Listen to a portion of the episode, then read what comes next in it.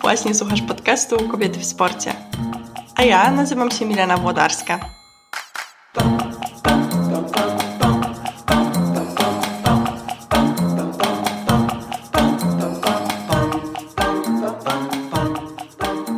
Łukasz, e, dziękuję, że przyjąłeś zaproszenie do tego odcinka i cieszę się, bo jesteś dietetykiem, który na co dzień pracuje ze sportowcami, więc no, chcąc nie chcąc masz dużą praktykę w, w tym zagadnieniu, o którym będziemy sobie dzisiaj mówić. E, także na początek proszę, żebyś przedstawił się moim słuchaczom, e, powiedział co nieco o sobie. Cześć Milena, mi również bardzo miło i dziękuję Ci za to zaproszenie.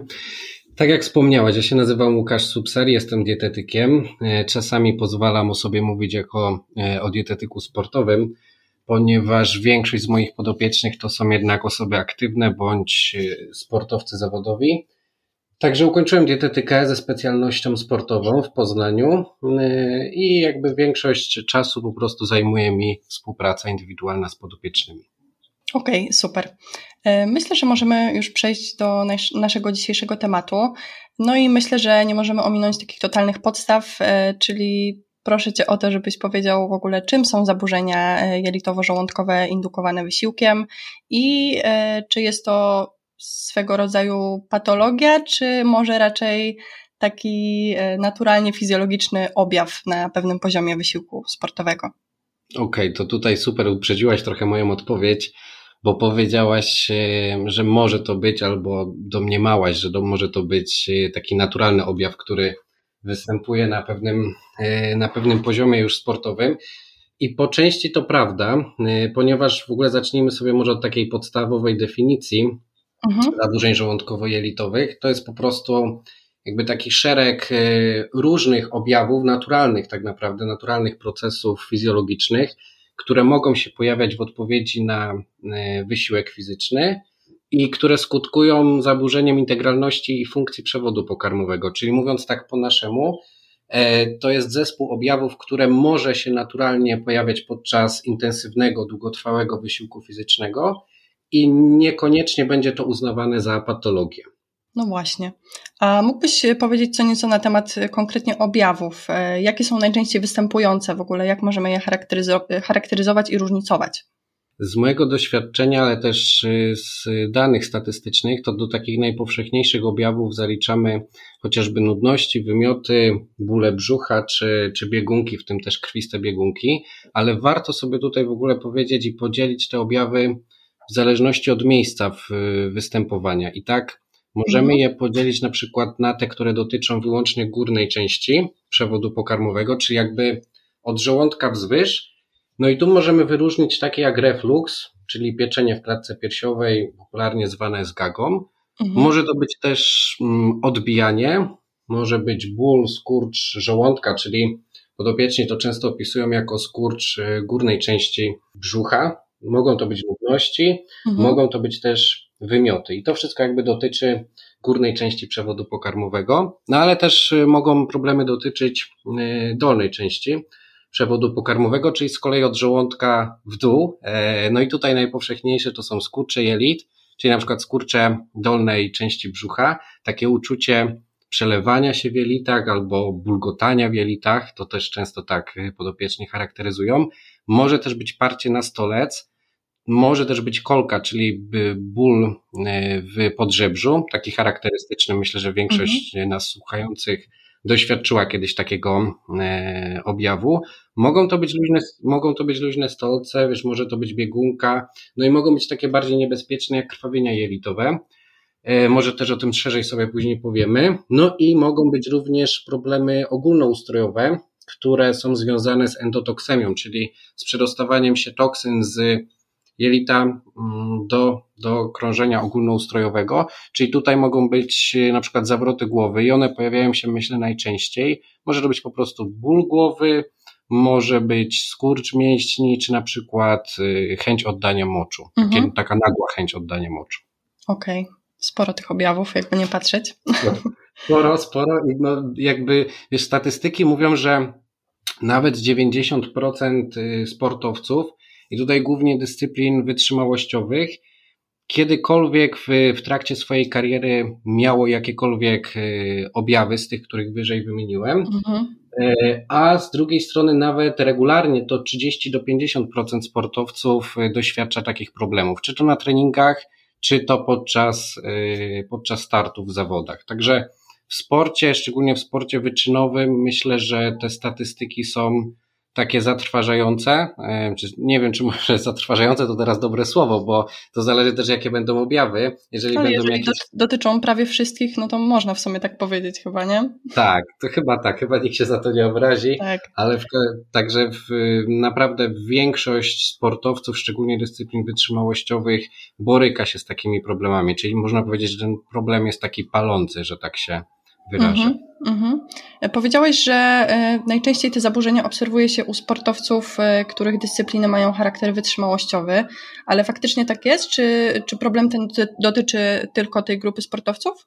Tylko nie, aczkolwiek w większości, e, w większości przypadków tak, bo jeżeli będziemy mówili tylko i wyłącznie o zaburzeniach, e, zaburzeniach pracy przewodu pokarmowego, które są indukowane wysiłkiem fizycznym, to w większości przypadków tak, ale z drugiej strony zaburzenia pracy przewodu pokarmowego mogą być też związane z jakimiś jednostkami chorobowymi, to mhm. też może będziemy potem omawiali. Tak. I tutaj może to się również pojawić w, w jakiejkolwiek innej dyscyplinie, gdzie chociażby pojawia się ten czynnik stresu, który, mhm. który będzie nasilał chociażby e, tego typu dolegliwości. Jeżeli skupilibyśmy się wyłącznie na, na tych zaburzeniach dotyczących wyłącznie wysiłku i wykluczylibyśmy inne choroby, no to w, myślę, że w 90% przypadków to będą raczej dyscypliny wytrzymałościowe, chociaż E, no mam też w, gdzieś tam w swojej e, kartotece, że się tak wyrażę, e, podopiecznych, którzy przyszli do mnie i powiedzieli, że na przykład na jakimś starcie w trójboju siłowym zwymiotowali podczas jakiejś tam próby, najczęściej to był martwy ciąg, ewentualnie też przysiad. Okay. No i problem był, problem był dosyć taki, może, może kuriozalny, może dla niektórych taki błahy, ale tak naprawdę te osoby ładowały przed, y, przed, przed tym startem węglowodany, mhm. E, a tak naprawdę w tego typu dyscyplinach, gdzie wysiłek jest bardzo krótki, tam ta superkompensacja glikogenu, czyli właśnie te metody ładowania węglowodanów, za wiele nie dają, żeby nie powiedzieć, że nic nie dają, bo po mhm. prostu tam tym czynnikiem determinującym nie jest obniżenie e, glikogenu mięśniowego. No i takie osoby, wiesz, one jakby obżerały się wręcz, e, bo to jeszcze taka powiedzmy stare przekonania, że im więcej, tym lepiej, obżerały się przed, przed wysiłkiem jeszcze takimi rzeczami powiedzmy mniej zdrowymi, których na co dzień nie jedzą, e, bo gdzieś tam usłyszeli, że, że tak trzeba robić. No i po prostu mm, mia, mieli pełen, pełen żołądek i zwyczajnie podczas takiego zwiększonego ciśnienia, szczególnie kiedy zakładają jeszcze pas tak, do ciężarów e, i więc jakby wyobraź sobie, czym to się mogło skończyć. Tak? No jest, jest ogromne ciśnienie w jamie brzusznej. E, trawienie tak naprawdę w tym momencie nie zachodzi, no bo, no bo krew ucieka z przewodu pokarmowego do mięśni. No i tak naprawdę te zwiększone ciśnienie no, spowodowało, że ta treść żołądkowa się podnosiła w górze ku, ku jamie ustnej, no i po prostu dochodziło do, do wymiotów. I no i to też się zdarza, także to, to, to warto myślę, że to podkreślić, że osoby, które już chcą ładować węglowodany w dyscyplinach takich szybkościowo-siłowych, no też to powinno odpowiednio wcześniej przetestować, zrobić, a najlepiej pod kontrolą kogoś, kto po prostu takie rzeczy ogarnia.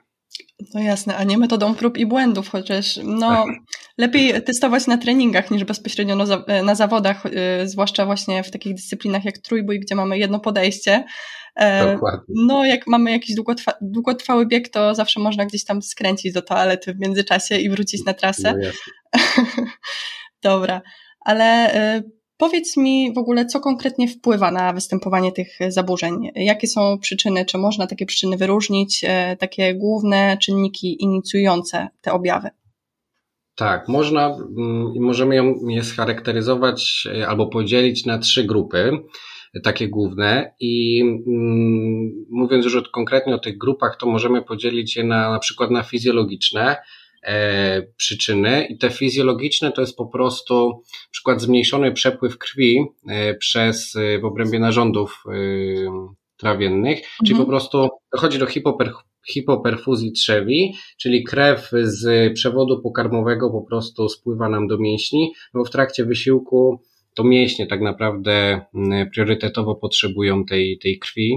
Mhm. E, stąd, stąd to jest główna przyczyna, ale też odwodnienie, które, które może następować w trakcie wysiłku, e, szczególnie jeżeli ten wysiłek jest długi, szczególnie kiedy też są warunki termiczne mało sprzyjające.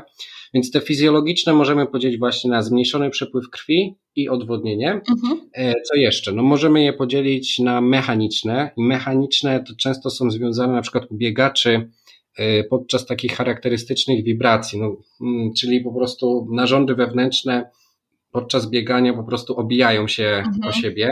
No i, i to, to, jest, to jest dosyć normalne, dlatego znaczy normalne. No tak, jakby to, że się obijają podczas biegu jest normalne. E, no ale i też nic dlatego, dziwnego, że to indukuje takie objawy, nie? Tak, tak, dokładnie tak. No bo jakby nas ktoś uderzał po brzuchu, po, po jedzeniu, to też pewnie by nam się zrobiło niedobrze.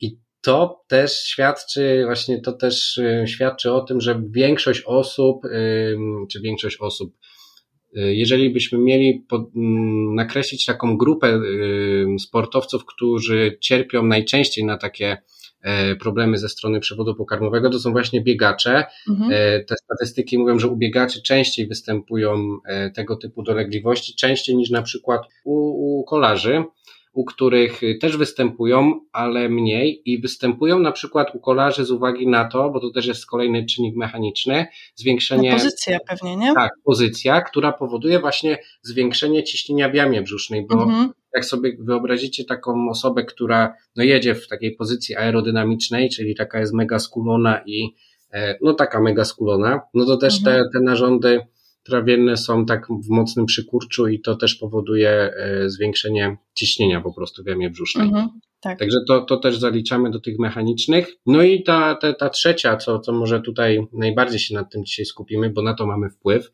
e, czyli te żywieniowe. No i żywieniowe to na pewno błonnik, czyli spożycie błonnika może też nasilać e, tego typu dolegliwości, no bo wiadomo, że błonnik jest remedium czasami na zaparcia, e, no mhm. ale no też zwiększa jednak perystaltykę jelit, no i może powodować chociażby e, biegunki albo nasiladzie, no albo może po prostu powodować ból brzucha czasami. No właśnie, dlatego sportowiec, który trenuje tak bardzo intensywnie i ma tak duże zapotrzebowanie kaloryczne, najczęściej może, a nawet w sumie powinien e, sięgać po te produkty bardziej przetworzone, które gdzieś tam powszechnie uznawane są e, za, za niezdrowe. I tak. właśnie ten przykład pokazuje, że takie ocenianie konkretnych produktów e, za zdrowe czy niezdrowe ma się nijak do rzeczywistości, prawda?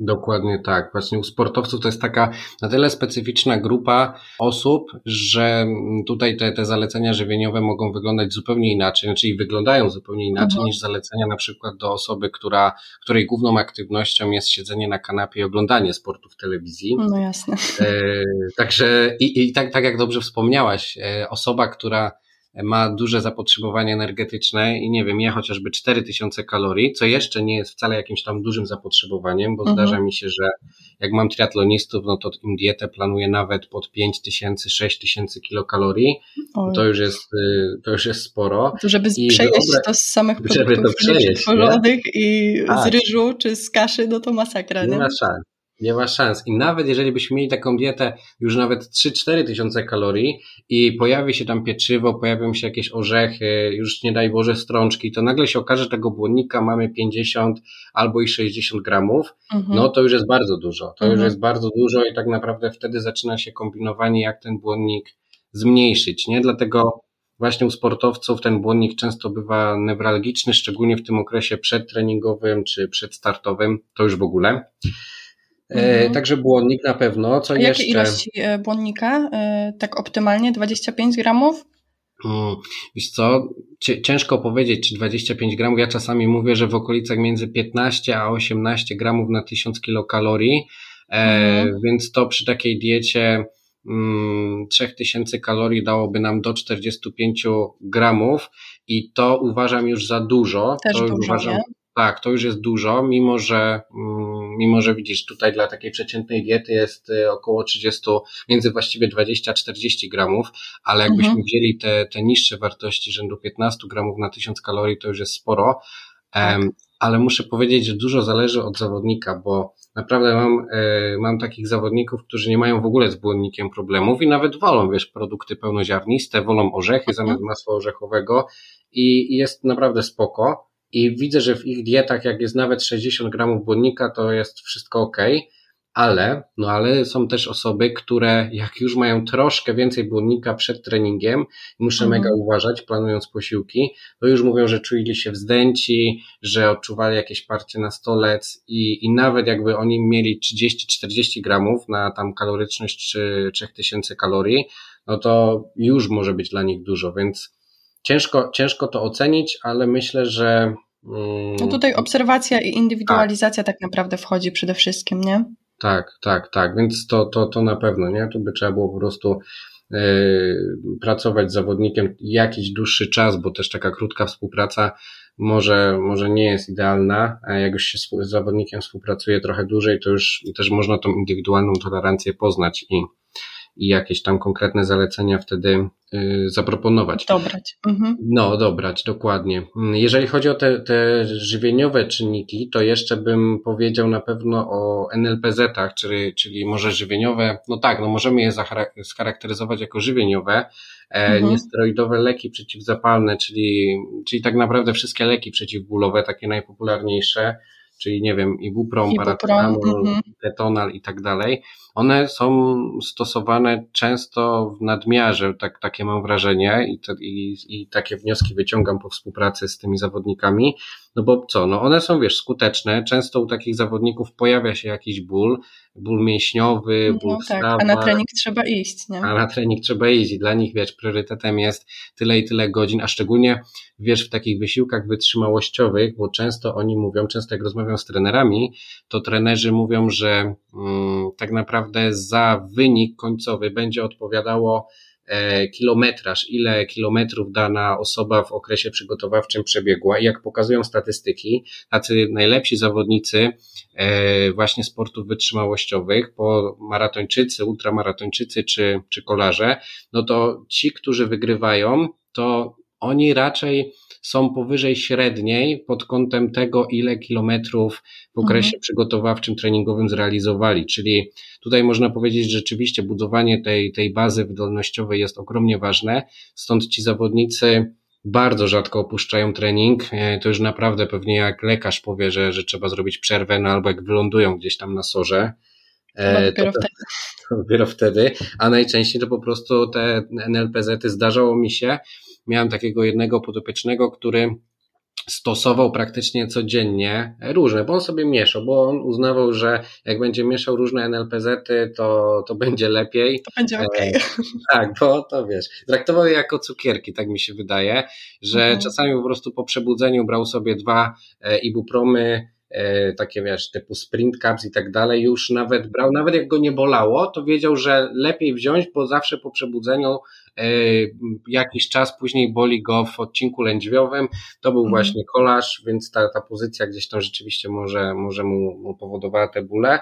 No i zawsze do, po przebudzeniu, już nawet przed śniadaniem łykał sobie pierwsze, pierwsze tabletki i potem mm, po, po treningu, czy, czy gdzieś tam w trakcie dnia jeszcze kolejne. No i to było masakra, bo, bo u, u niego rozwinęły się tak naprawdę też problemy z przewodem pokarmowym głównie przez nadmiar tych NLPZ-ów, bo NLPZ-y powodują, jakby uszkadzają jakby nabłonek żołądka mm, mhm. i, i powodują tak naprawdę e, znaczy mogą powodować nawet jakieś perforacje, e, mogą inicjować na przykład wystąpienie nadżerek, czy, e, czy, czy nawet wrzodów mm, przy, przy sprzyjających okolicznościach.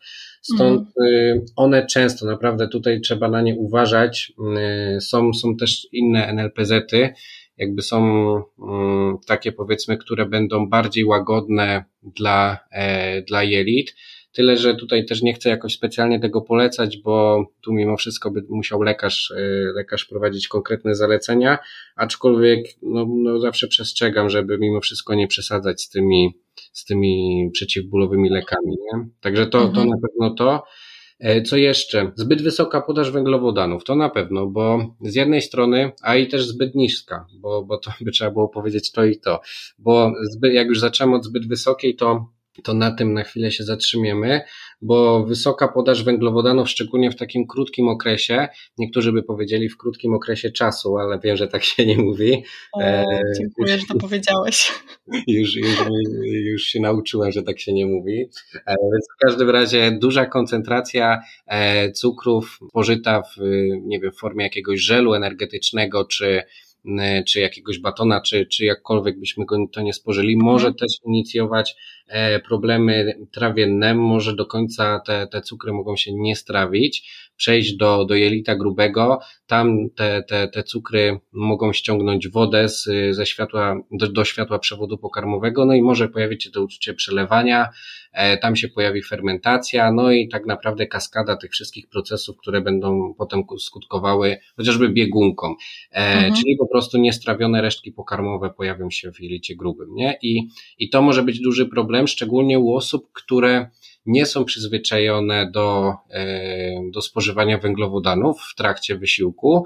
Mm, więc tutaj, o, to też, to też kolejny czynnik żywieniowy, czyli ten brak adaptacji do dostarczania węgli w trakcie wysiłku, czyli tutaj jakby radą będzie na mm, trening jelita, a to też może poruszymy trochę później. Tak, już będziemy później mówić. Mhm. Tak, czyli tu brak adaptacji do spożywania e, węglowodanów podczas wysiłku, ale z drugiej strony niskie spożycie węglowodanów też może być czynnikiem, które będzie powodowało zaburzenia pracy przewodu pokarmowego w trakcie wysiłku. No bo mhm. teraz zobacz, jeżeli powiedziałem, że jednym z takich głównych czynników, które inicjują problemy y, te, te mm, przewodu pokarmowego w trakcie, jest hipoperfuzja trzewi, czyli właśnie mhm. zmniejszony przepływ krwi w obrębie tych narządów trawiennych. E, no to jakby jednym ze sposobem, żeby tej krwi tam było więcej, jest po prostu dostarczenie jakiejś puli węglowodanów, no bo będzie trzeba to strawić. I mhm.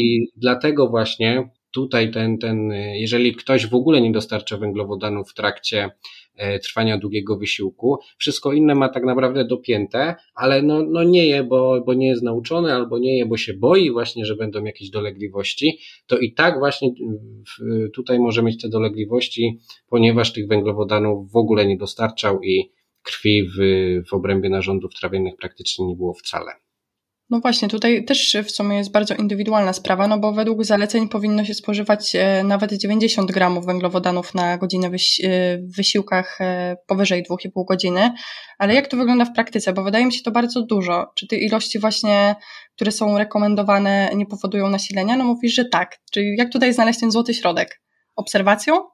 Obserwacją, czasami metodą prób i błędów, ale to właśnie, żeby robić w okresie z dala od, od zawodów, czyli w okresie przygotowawczym. Mhm.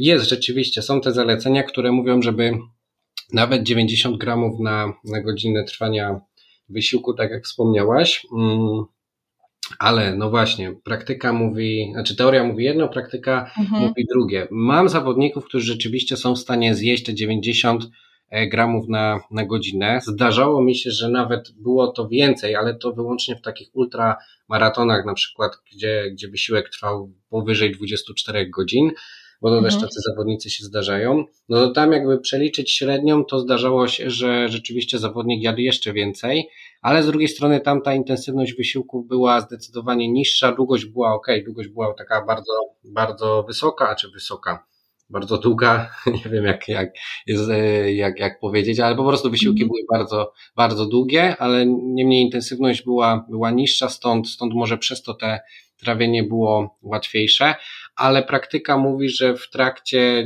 nie wiem, maratonu czy, czy może triatlonu, e, bo triatlon będzie jednak trochę dłuższym przykładem wysiłku, to mm, jak zawodnik, jak uda mi się z zawodnikiem zrealizować strategię, która dostarczy mu 60 gramów na godzinę, to już jest bardzo dobrze, już jestem bardzo zadowolony.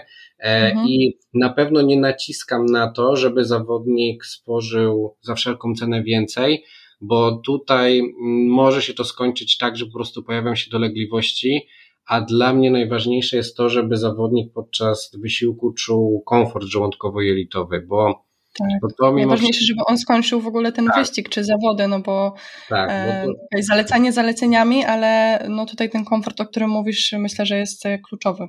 Dokładnie, więc te, te 60-90 gramów jest, jeżeli ktoś też dostarcza albo chce spróbować dostarczyć tak dużych ilości węglowodanów, to tutaj też powinien korzystać z różnych źródeł tych węglowodanów, czyli na przykład z glukozy i z fruktozy, bo mhm. nasze jelita mają takie konkretne transportery dla tych dwóch cukrów. Mamy SGLT1, który transportuje glukozę i mamy e, GLUT5, który z kolei transportuje fruktozę. I e, jeżeli tak, według badań tak naprawdę około 60 gramów na godzinę wysiłku dla samej glukozy już wysyci ten jeden transporter, transporter, więc tak mhm. naprawdę e, więcej glukozy raczej może nie być efektywnie wchłaniana, no ale możemy wykorzystać ten drugi, drugi transport dla fruktozy, więc jeżeli dostarczymy trochę fruktozy, czyli na przykład 60 gramów z tych 90 dla e, glukozą i na przykład 30 gramów z fruktozy, no to te 90 gramów możemy osiągnąć teoretycznie E, może się obejść bez jakichś tam dolegliwości. I tutaj ja zawsze mówię, że żeby spojrzeć, bo są też żele energetyczne, gdzie jest Tak, one mają chyba stosunek e, konkretnie glukozy do fruktozy, prawda? Tak, ale nie wszystkie. Nie wszystkie. Aha. Kiedyś w ogóle producenci o tym nie pisali, e, albo była sama glukoza. Teraz już jest ten wybór dużo większy. Są też żele izotoniczne, których nie trzeba popijać i to jest moim zdaniem ogromna zaleta. Kiedyś tego mhm. nie było. Więc tutaj zawodnikom zawsze mówię, żeby jednak poczytać etykiety, ewentualnie skonsultować z kimś i jeżeli jest taka możliwość, to wybrać żel izotoniczny, w którym ten stosunek glukozy do fruktozy będzie wynosił 2,1, no bo wtedy, wtedy możemy tak naprawdę mm, spożyć trochę więcej tych węglowodanów, właśnie bliżej tych takich górnych wartości.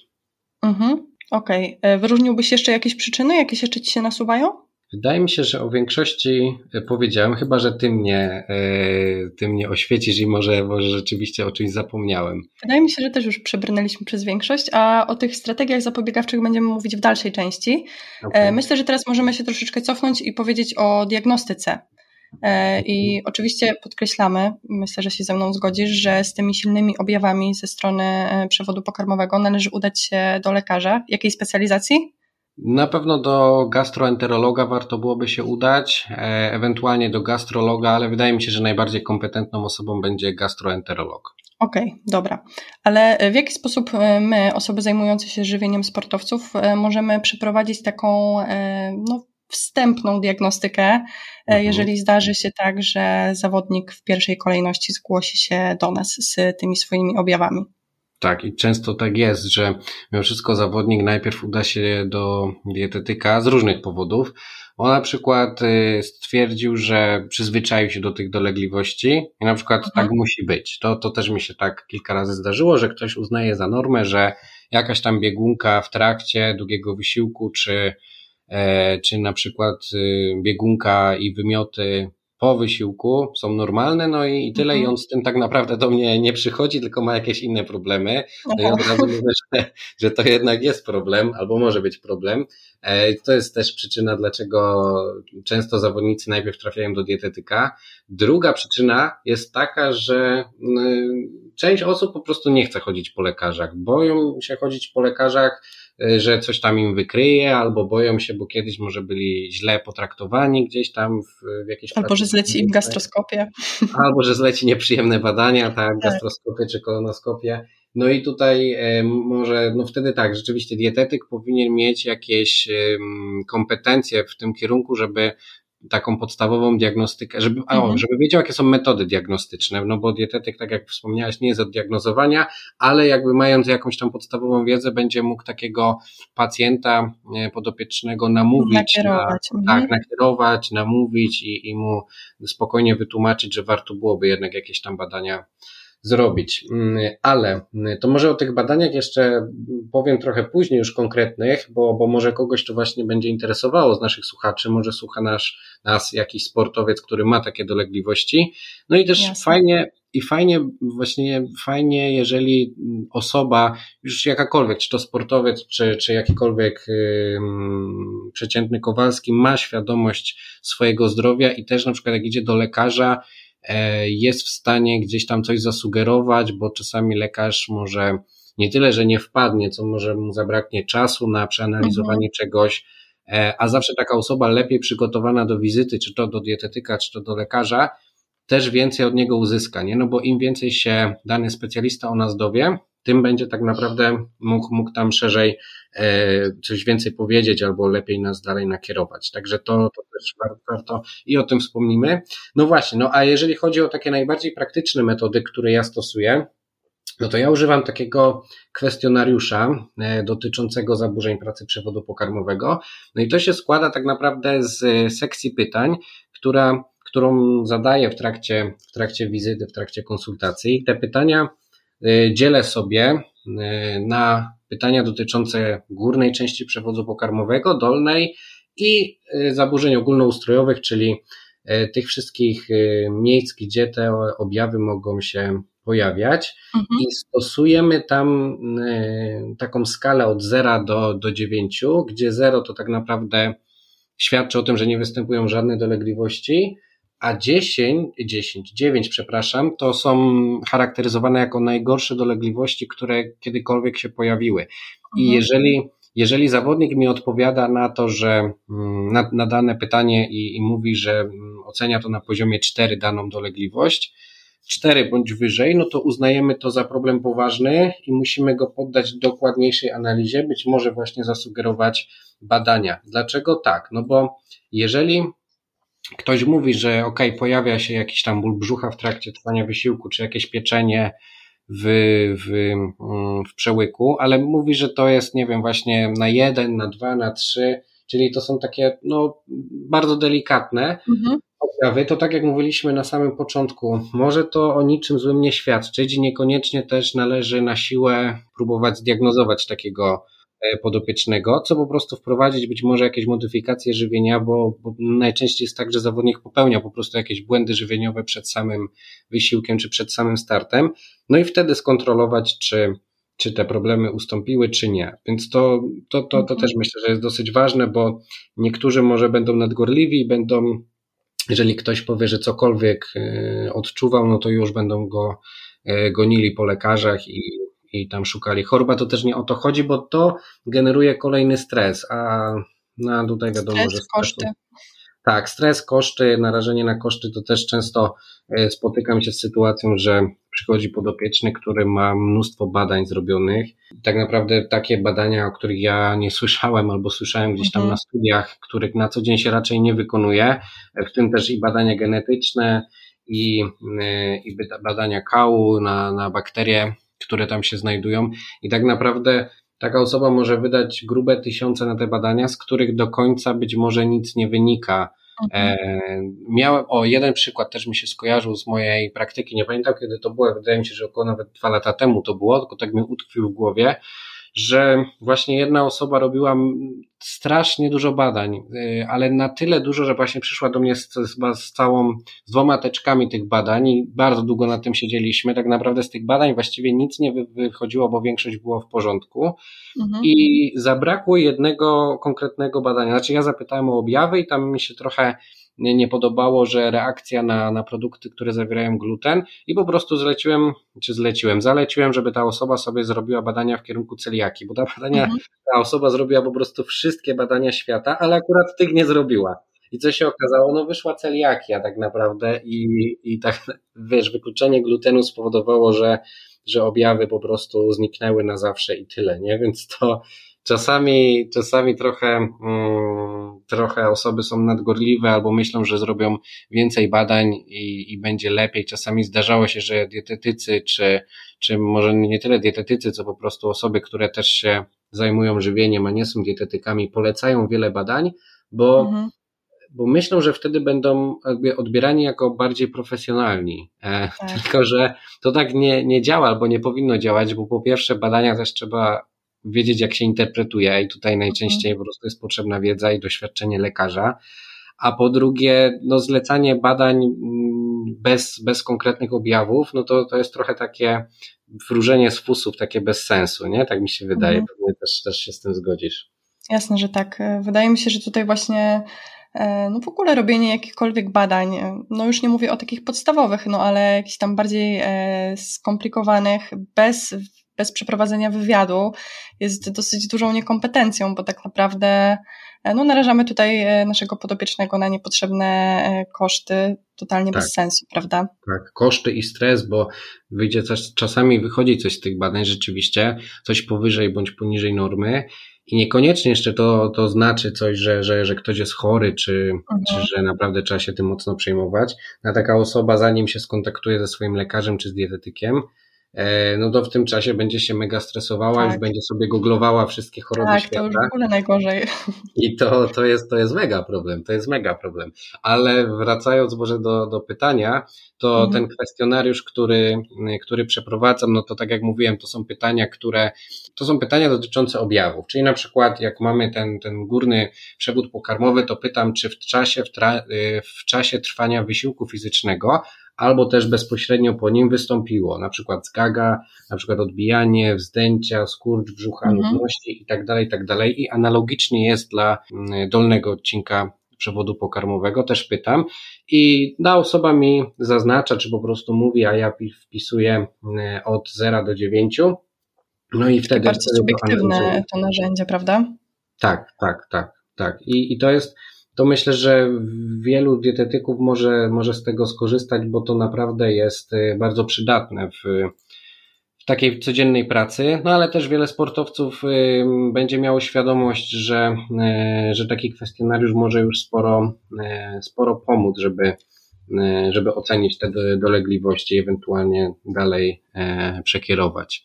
No Jasne, a myślę, myślę też, tak. że fajnie do takiego e, kwestionariusza mieć też dzienniczek żywieniowy, żeby w ogóle wiedzieć, jakie pokarmy były spożywane przed konkretnym treningiem czy wysiłkiem, po którym albo w trakcie którego wystąpiły te objawy.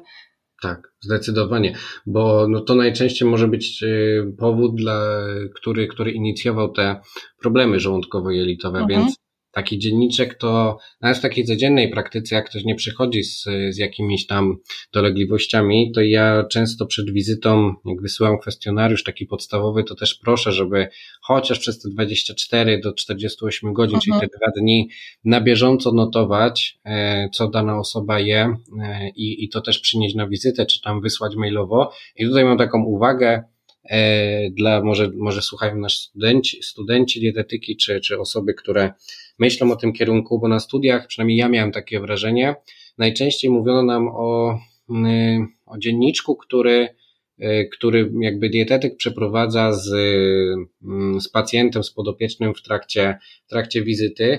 I ja to wtedy już na studiach mówiłem, że dla mnie to jest bez sensu, ponieważ mhm. jak zapytamy przeciętną osobę, co jadła wczoraj czy przedwczoraj, bo to, najczęściej były dzienniczki trzydniowe, ale my to przeprowadzaliśmy i jakby wykładowcy nam zalecali to robić w trakcie trwania wizyty, że tak powinna wyglądać pierwsza wizyta.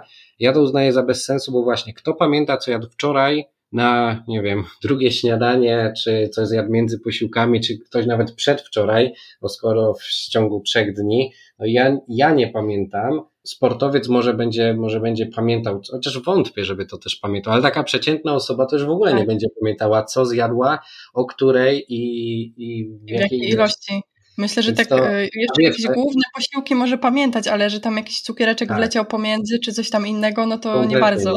Nie. Kompletnie nie. A takie bieżące notowanie e, jest najlepsze, bo wiesz, e, jakby, okej, okay, jem coś i w tym czasie nawet zapiszę na telefonie, czy coś, że zjadłem to i to. Mniej więcej taka porcja, no już nie musi to być zważone, ale że, no nie wiem, było to, nie wiem, jeden batonik, czy, czy kilka właśnie cukierków, czy jakiś tam owoc i tyle. I, no i wiadomo. Mogą nawet zdjęcie zrobić albo zdjęcie, to już w ogóle super. I wiesz, no to dużo czasu nie kosztuje, ale już z taką informacją, jak przyjdziemy do dietetyka, więc to też apel do wszystkich e, z kolei podopiecznych naszych bądź przyszłych, albo mhm. dla osób, które będą chciały się w przyszłości z dietetykiem e, konsultować. Warto zapisywać to, co jedliśmy, chociaż przez te ostatnie 2-3 e, dni. No i robić to oczywiście w taki sposób, że nie, że ok, ja teraz będę zapisywał, więc się będę lepiej odżywiał, bo to, to, mhm. to też się nie, to też się nie zdarza. Tak, bo trochę wstyd. I to widzisz, i to też mi się teraz skojarzyło, dlaczego mi się to na studiach nie podobało, bo Czasami jest tak, ja mam takie wrażenie miałem na początku, bo na początku też y, tak pracowałem, jak mnie na studiach nauczyli, e, pod tym kątem, że jak osoba nie pamiętała, e, co zjadła, typowo całkowicie nie pamiętała, to jakby chciała być miła i mimo wszystko coś tam mi powiedziała. Ale ja wiedziałem, że ta osoba już zmyślała, potem kolejne wypowiedzi też się nie trzymały jakby kupy. I to było takie, to jeszcze, to jeszcze było gorsze, bo to jeszcze bardziej wprowadzało mnie w błąd tak naprawdę. Mhm. No. no, ale mamy, myślę, że wszyscy mamy coś takiego, że, że okej, okay, przychodzimy do jakiegoś specjalisty, ale gdzieś tam sami przed sobą też się możemy czasami tak. oszukiwać, a dopiero mówić obcej osobie, że podjadało się do Netflixa o 21 coś tam, nie? No tak, więc to, e, to, to, to myślę, że to jest duży, duży problem i wiesz, zawsze chcemy też wypaść lepiej, jak e, widzimy się szczególnie z osobą, z którą wcześniej nie mieliśmy kontaktu i tak mózg chyba to robi intuicyjnie, że staramy się pokazać w jak najlepszych barwach, nie? Ale no to, mhm. To właśnie przychodzimy z problemem, tak? Nie przychodzimy, w, nie wiem, na rozmowę o pracę, tylko przychodzimy, że mamy problem i ktoś ma nam pomóc go rozwiązać. Tak, a później e, są pretensje do dietetyka, że no ta dieta niestety nie pomogła. Tak, tak, tak, tak. No. Myślę, że zamiast tych badań, e, o których wcześniej mówiliśmy, właśnie warto skupić się na tym e, rzetelnym wypełnieniu tego dzienniczka żywieniowego i to przyniesie na pewno więcej korzyści. Myślę, że się zgodzisz. Dokładnie tak, dokładnie tak i tutaj fajnie, że, że to tak podsumowałaś, bo Mm, no bo z tymi badaniami niestety jest tak, że a jeszcze widzisz jedna kwestia z badaniami. Niektórzy po prostu kompletnie nie mają pojęcia, jak do tych badań się przygotować i zdarza no. się, że tym bardziej u osób aktywnych, że robią mocną jednostkę treningową i jutro na, na zajutrz idą zrobić hmm. badania, gdzie hmm. wychodzi białko w moczu, gdzie wychodzi podniesiona kreatynina, gdzie wychodzi kinaza kreatynowa tak w, w, w ogromnym mm, tym... Na Sześciokrotnie przekroczone. Tak, na przykład. I dużo rzeczy może wychodzić e, z takiego badania. Może być glukoza znowu zaniżona, także tych, tych, e, tych, ilo, tych e, jakby zmiennych jest bardzo, bardzo dużo. Też osoba, która jadła jakąś ciężką kolację po, e, przed, przed porannym właśnie badaniem, no to to też może tam spowodować, że triglicerydy będą wyższe i tak dalej, i tak dalej. Stąd myślę, że, no, że to z tymi badaniami to okej, okay, warto się badać, ale to mhm. warto to, to robić z głową i, i, też konsultować to. Jeżeli jesteśmy w tym totalnie zieleni, zieloni, to mhm. powinniśmy po prostu wcześniej się z kimś skonsultować. Jasne, że tak. E, wróćmy jeszcze na chwilę do diagnostyki, e, no bo tak w sumie pomyślałam, że te objawy, o których cały czas mówimy, czyli te nudności, biegunki, e, bóle brzucha, tak naprawdę występują też w wielu innych schorzeniach związanych z przewodem pokarmowym, niekoniecznie wynikających z wysiłku fizycznego, a na przykład w schorzeniach o podłożu autoimmunologicznym. Czy zawodnik cierpiący z powodu takich objawów powinien zawsze też wykonać diagnostykę w kierunku na przykład e, właśnie IBS czy SIBO? Czy zawsze to, to ciężko powiedzieć, bo jeżeli ten nasilenie tych objawów nie było jakieś mm, wysokie podczas mhm. właśnie rozmowy, podczas tego wypełnienia tego kwestionariusza, to być może mm, sama korekta diety, jeżeli tam były jakieś, e, jakieś błędy, szczególnie jakieś rażące błędy, i spowoduje to już ustąpienie całkowicie dolegliwości, no to powiedzmy, że taka osoba nie musi, e, nie musi dalej już wykonywać diagnostyki, no bo nie leczymy tak naprawdę wyniku, tylko leczymy objawy, czyli pacjenta po prostu, ale jeżeli dolegliwości e, są już spore, pojawiają się, nie wiem, krwiste biegunki, pojawia się przykład w morfologii, bo ktoś może morfologię sobie robił, nie wiem, do pracy, czy, czy tak po prostu, wychodzi, że e, hemoglobina jest obniżona, co może też świadczyć o tym, że, znaczy co, co, co świadczy o tym, że jest anemia. Anemia może też wynikać z zaburzeń wchłaniania, które, które są związane z, na przykład z uszkodzeniem nabłonka jelitowego i y, albo może być związana z tym, że osoba, y, taka osoba traci sporo krwi, czy to skałem, czy to pojawia się jakieś krwawienie wewnętrzne. Y, w każdym razie tak, w takich sytuacjach, kiedy te dolegliwości są nasilone, warto byłoby jednak przeprowadzić taką diagnostykę różnicową, czy to aby na pewno są objawy mm, związane tylko i wyłącznie z wysiłkiem fizycznym, czy to jednak jest jakieś zaburzenie czynnościowe, czy po prostu choroba, która, która toczy nasz organizm. No i najczęściej przyczyną takich dolegliwości, które są no jakby bliźniaczo podobne do tych, które też wynikają z tych zaburzeń indukowanych wysiłkiem, e, no to za takie dolegliwości odpowiada czy to zespół jelita drażliwego, czy to SIBO, czyli przerost bakteryjny jelita cienkiego, ale też choroby zapalne jelit. Często e, na przykład wrzodziejące zapalenie jelita grubego, czy na przykład choroba leśniowskiego krona, Mogą też być wrzody żołądka, żołądka lub dwunastnicy, spowodowane na przykład zakażeniem bakterią Helicobacter pylori, ale może być na przykład autoimmunologiczne, może być celiakia, mm, choroba trzewna,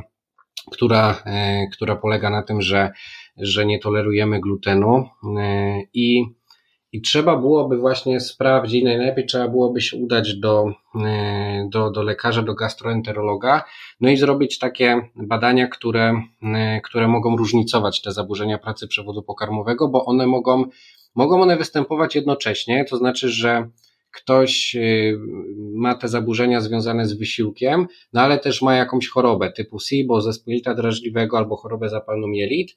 I Wtedy to może... te zaburzenia indukowane wysiłkiem będą bardziej nasilone? Tak, tak, tak, najczęściej tak, najczęściej tak. E, no plus, plus te zaburzenia te czynnościowe mogą się pojawiać w trakcie e, takiego normalnego dnia, normalnego, normalnej aktywności zawodowej. E, to jest jasne. Czasami jest tak, że mm, po wyleczeniu, jeżeli jakby tylko powodem było, nie wiem, SIBO i po, prze, mm, po antybiotykoterapii, po wprowadzeniu diety, być może już nie będzie w ogóle y, zaburzeń pracy przewodu pokarmowego w trakcie trwania wysiłku. No i tutaj wtedy wiemy, że y, to SIBO odpowiadało, odpowiadało za, za te objawy. Także y, warto mimo wszystko, jeżeli te objawy są nasilone, zrobić tą diagnostykę. Jeżeli jakbym mógł jeszcze komuś tu podpowiedzieć, jakie badania warto zrobić, to najczęściej, żeby e, różnicować te, te problemy, to chyba zacząłbym od takich badań najmniej inwazyjnych, czyli na przykład wodorowo-metanowy test, e, test oddechowy. I on jest o tyle dobry, e, że mm, on już jest nam w stanie dużo powiedzieć. On nam jest w stanie powiedzieć, czy my mamy jakąś nietolerancję cukrów, czy na przykład mamy SIBO, dlatego też mówię, że wodorowo-metanowy, bo pod kątem SIBO to trzeba zrobić wodorowo-metanowy i on, możemy go zrobić prywatnie, on chyba tylko możemy zrobić prywatnie, bo wydaje mi się, że on nie jest refundowany w tym momencie, aczkolwiek koszt jego wykonania nie jest jakoś przesadnie duży, bo kosztuje od 100 do 200 zł, a jest nam w stanie powiedzieć bardzo dużo i to jest takie bardzo przydatne narzędzie. I z takim wynikiem badania, na przykład jakbyśmy już poszli do gastroenterologa, no to na pewno usprawniłoby to cały cały proces y, tej diagnostyki i, i ewentualnego leczenia, no bo jeżeli wyjdzie, że w badanej próbce wydzielanie metanu było y, znacznie podwyższone, no to możemy podejrzewać SIBO, no i wtedy lekarz wie, że, że tutaj antybiotykoterapia będzie wskazana, no i leczenie jest stosunkowo, stosunkowo proste. Możemy też y, zrobić e, badanie kału na zawartość kalprotektyny. To jest takie białko, które jest jakby wytwarzane przez neutrofile. Neutrofile jakby zbierają się w momencie, kiedy jest stan zapalny i one produkują kalprotektynę. Jeżeli, czyli to jest taki marker zapalenia błony śluzowej. Mhm. Jeżeli tutaj y, marker będzie ten podniesiony powyżej 50 mikrogramów na gram kału, może to świadczyć o zapaleniu, czyli na przykład jakby wiemy, że to nie jest, wtedy wykluczamy SIBO, wykluczamy IBS i na przykład możemy podejrzewać, że jest jakaś choroba zapalna jelit. E, albo nieswoiste zapalenie jelit, albo choroba leśniowskiego krona, albo WZJG, czyli wrzodziejące zapalenie jelita grubego. No i tutaj e, wiadomo dalsze badania, no ale już jesteśmy w stanie co, coś ocenić. No i jakby bardzo ważne badania, bardzo przydatne, tylko no nie każdy je lubi przeprowadzać, a to jest mhm. gastroskopia i kolonoskopia. Je się robi powiedzmy jako badania drugiego rzutu najczęściej, czyli najpierw robimy sobie badania z krwi, może badanie właśnie tym wodorowo-metanowym testem oddechowym, badanie kału, no i jeżeli tam nie będzie jasna sytuacja, no to zostaje tak naprawdę gastroskopia i kolonoskopia, która nam pokaże, czy lekarzowi pokaże, jak te nasz, jak nasz przewód pokarmowy wygląda. Możemy też od razu w przypadku kolonoskopii pobrać wycinek do, do analizy i też tutaj nawet jeżeli miałbym przeprowadzaną kolonoskopię albo komuś, y, bo wiem, że ktoś z rodziny będzie miał, czy, czy podopieczny, to mówię, żeby poprosić lekarza, bo nie zawsze taka sytuacja następuje, e, ale żeby poprosić lekarza albo zapytać, czy będzie też brany wycinek do e, badania pod mikroskopem, bo może to być mikroskopowe zapalenie jelit i często wykluczamy wiele chorób, ale na przykład przyczyną było mikroskopowe zapalenie jelit, ale to tylko i wyłącznie będzie wiadomo, kiedy lekarz weźmie e, wycinek do analizy. I mhm. to też warto, warto gdzieś tam wiedzieć, warto mieć z tyłu głowy, że jak już robimy tą kolonoskopię, to warto mimo wszystko ten, y, ten wycinek, żeby, żeby było z wycinkiem. O, gastroskopia mhm. nam też powie, czy, czy są jakieś nadżerki w przewodzie pokarmowym, w górnej jego części, czy, nie wiem, są wrzody na żołądku bądź na dwunastnicy. Ogólnie pokażę lekarzowi, jak ta błona śluzowa nasza wygląda. Także to są bardzo wartościowe badania, no ale jakby robimy je, wiadomo, no są inwazyjne i są nieprzyjemne, ale no, no też warto je zrobić, jeżeli jakby sytuacja będzie niejasna. Jasne. A tobie jako dietetykowi zdarza się zachęcać sportowca do takiej szerszej diagnostyki, jeżeli widzisz, że e, na przykład twoje strategie nie przynoszą e, większych rezultatów? Tak, zdarza mi się, bo jakby ja chcę być skuteczny, szczególnie u, znaczy szczególnie, może to źle zabrzmi, ale wiesz, u sportowców, kiedy liczy się czas, kiedy wiem, kiedy jak, jaki mają kalendarz zawodów i tak dalej, muszę być skuteczny i muszę działać szybko, więc jeżeli na przykład e, widzę, że tych dolegliwości jest dużo i mam sporo, sporo jakby obaw, e, czy te moje strategie przynoszą e, rezultaty, mhm to zdarza mi się, że nawet szybciej zaproponuję wizytę u gastroenterologa i zrobienie badań, albo chociaż zaproponuję, żeby zbadać te, które można zrobić bez wizyty u lekarza, czyli właśnie ten wodorowy test, e, czy tam kalprotektyna i takie ogólne badania z krwi. Zdarza mi się, że tak, e, że tak robię, no bo jakby na tyle moja wiedza i moje doświadczenie gdzieś tam pozwalają na to, żeby już cokolwiek z tego e, zrozumieć i, i wyciągnąć wnioski, że potem jakby Wiem, że to będzie też skuteczne, jeżeli dalej tego zawodnika pokieruję. E, mhm. I wiesz, zdarza mi się, że jak widzę na przykład, że u osoby są niedobory żelaza i okej, okay, można to uzupełnić dietą jak najbardziej, jeżeli to, mm, jeżeli to nie są też jakieś ogromne niedobory żelaza, e, w sensie nie jest hemoglobina poniżej 8 i trzeba krew przetaczać, tylko po prostu, że jest anemia jakaś tam lekka albo stan taki utajonej anemii, to ja też nie ukrywam, że bardzo często, znaczy bardzo często, zdarza mi się, że polecam od razu dodatkową suplementację żelazem z prostego powodu. Ja chcę, żeby zawodnik się czuł dobrze i żeby miał e, odpowiednie siły na trening. E, stąd, mm, no, jakby chcę działać szybko, bo oni, oni jako sportowcy, czasami trenerzy mnie też rozliczają za wynik i oczywiście mm, jakby korzystam zawsze z pomocy lekarza, ale czasami jest tak, że za wizytą lekarską zawodnik musi czekać dłużej, mm, a, a te dolegliwości są i jakby jeżeli mam stuprocentową pewność, z czego one wynikają, no to zdarza mi się, że po prostu działam od razu, jakby nie, nie zwlekam z pewnymi rzeczami, które wiem, że na 100% nie zaszkodzą, a, a mogą hmm. pomóc. Jasne. Myślę, że fajnie, e, że w ogóle powiedzieliśmy o tej diagnostyce i o tym, jak ważne są badania e, po prostu w sytuacjach, kiedy, kiedy tego potrzebujemy. E, ale myślę, że teraz możemy przejść dalej do tej najbardziej praktycznej części naszej rozmowy, czyli do strategii zapobiegawczych. Mhm. Myślę, że możemy zacząć od odwodnienia, o którym wcześniej powiedziałeś. W sumie powinnam powiedzieć od poziomu nawodnienia, bo wiemy, że nie tylko odwodnienie może indukować problem, ale przewodnienie też, prawda? Mógłbyś tak. powiedzieć coś na ten temat?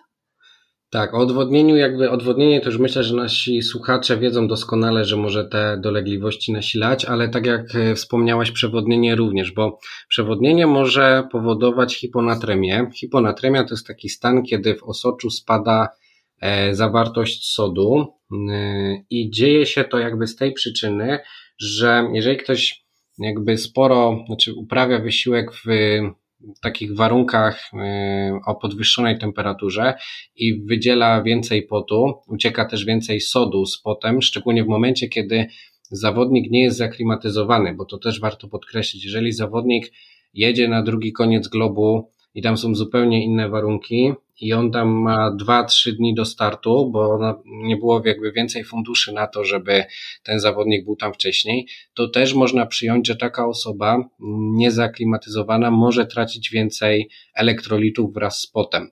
E, I to też warto, też warto to brać pod uwagę. Ale mm, wracając do, do tej hiponatremii i do przewodnienia, zdarza się, że szczególnie u osób takich, powiedzmy, może nie tyle początkujących, co może inaczej, może nieprofesjonalistów, że u nich częściej dochodzi do przewodnienia, ponieważ to są osoby, które mm, przeczytają gdzieś, że muszą tyle i tyle mm, płynów spożywać w trakcie trwania wysiłku, E, i jakby mocno się tego trzymają, czasami nawet i za mocno się tego trzymają i też na przykład nie są przyzwyczajeni w ogóle do spożywania tak dużych ilości płynów. I jeżeli te płyny będą może to tak w uproszczeniu nazwijmy jałowe, czyli e, pozbawione elektrolitów, na dużo sodu tracimy z, z potem, to może dojść, że ten sód w, w osoczu po prostu spadnie i pojawią się takie charakterystyczne objawy. I te charakterystyczne objawy to na przykład wymioty bądź uczucie nudności, czyli takie, które też się mogą pojawiać e, związane z, po prostu z z tymi zaburzeniami w trakcie trwania mhm. wysiłku fizycznego, e, więc można to z tym pomylić, że ktoś po prostu się przewodnił w cudzysłowie albo dostarczał tych płynów o niskiej osmolarności z niską zawartością sodu. E, mogą też się pojawiać takie, nie wiem, mroczki przed oczami, czasami mówią, że taka mgła się pojawia e, u tych osób. Może pojawiać się też taki charakterystyczny obrzęk na dłoniach, bądź też y, na stopach, czyli gdzieś tam w okolicach tkanek miękkich. I taka, to są jakby podobne objawy też do hipoglikemii i można to też z tym pomylić. Dlatego tutaj zawsze zwracam uwagę, że jak jest wysiłek, który, e, który będzie trwał długo, szczególnie kiedy są warunki termiczne mniej sprzyjające, bądź też e, osoba nie jest zaklimatyzowana, to ja zwracam uwagę na taką dodatkową suplementację sodem w trakcie trwania takich zawodów. I mogę, może mogę polecić takie salt sticky, które łatwo można dostać w aptece, ewentualnie w jakimś sklepie sportowym. To się, to się przydaje. To są po prostu kapsułki z elektrolitami. Najczęściej tam chodzi nam o dużą zawartość sodu. Albo możemy też, albo jedno i drugie, możemy y, korzystać z wody o podwyższonej zawartości sodu, bądź możemy dosalać płyny aczkolwiek może to też być nie do końca dobre rozwiązanie, bo może ta woda nam nie smakować i w trakcie trwania wysiłku może też powodować takie uczucia wymiotu, więc tym bym raczej uważał, ale z kolei można wybrać dobry izotonik, y, który po prostu zwrócić uwagę, nie chcę reklamować może konkretnych, ale można po prostu sobie porównać izotoniki pod kątem zawartości sodu, no i wybrać ten, który tego sodu zawiera po prostu więcej. Mm, no i tutaj myślę, że to, to jest akurat najważniejsze przy takich, przy zapobieganiu hiponatremii. A w jaki sposób e, sportowiec samodzielnie może monitorować poziom nawodnienia? Obserwacja koloru moczu wystarczy, czy coś więcej? To w praktyce w większości przypadków e, wystarczy, bo no podczas zawodów ciężko, żeby, żeby zrobić jakieś, jakiekolwiek badania, a podczas takich długich zawodów jak ultramaratony, no po prostu sportowiec będzie ten mocz oddawał. Więc może na, ta, ten, na kolor moczu zwrócić uwagę, mm, bo, bo jeżeli chodzi o badania laboratoryjne, e, no to możemy sprawdzić ciężar właściwy moczu, możemy zwrócić uwagę na morfologię i hematokryt i wtedy jesteśmy w stanie stwierdzić po prostu mhm. profesjonalnie, czy, czy jest ten, te, te odwodnienie, czy tego odwodnienia nie ma, a w takiej codziennej praktyce jako strategię nawadniania mówię też, żeby zawodnik zważył się przed, mhm. Mm, przed zawodami, przed jakimś wysiłkiem fizycznym, e, no i po zawodach. I oczywiście uwzględniamy to, ile w trakcie tego wysiłku e, mhm. spożył płynów, ile, ile oddał moczu i tak dalej. W każdym razie jesteśmy w stanie wyliczyć tą różnicę i wtedy mniej więcej jesteśmy w stanie zaprojektować to, czy zaprojektować, po prostu zalecić, ile płynów w trakcie trwania wysiłku dobrze byłoby spożyć. Nigdy się nie uda 100% i to też e, warto podkreślić, że nie ma, mm, nie ma sensu nawet y, na siłę próbowanie dostarczenia 100%. Tak, bo to, bo to też y, może rodzić pewne problemy po prostu w trakcie trwania wysiłku. Czasami no, brakuje tego, tego czasu, brakuje możliwości organizacyjnych, żeby pić co, co chwilę takiej, takiej ilości, no bo jak ktoś tempo pocenia, nie wiem, wynosi no na przykład w Tour de France nawet i, i 2 do 3 litrów na godzinę wysiłku, no to to jakby to jest niemożliwe, żeby to uzupełnić w trakcie trwania. I po prostu mhm. uzupełniamy tyle, ile się da, żeby zawodnik czuł się komfortowo, a resztę, jakby tą różnicę uzupełni po, po samym y, starcie. A wracając do Twojego pytania, to tak, kolor moczu jest bardzo dobre do oceny, y, oceny nawodnienia, takiej na już.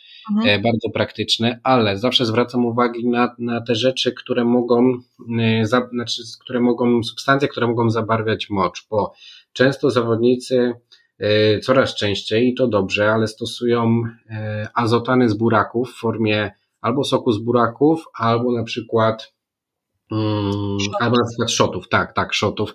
No i jakby betaina, czyli ten y, barwnik buraczany, czerwony, charakterystyczny, on po prostu przechodzi do moczu i on może zabarwiać nam mocz na, na taki powiedzmy bordowy, buraczany, czy, czy różnie właściwie, no ale jakby taki podbordowo buraczany, więc to trzeba zwrócić uwagę.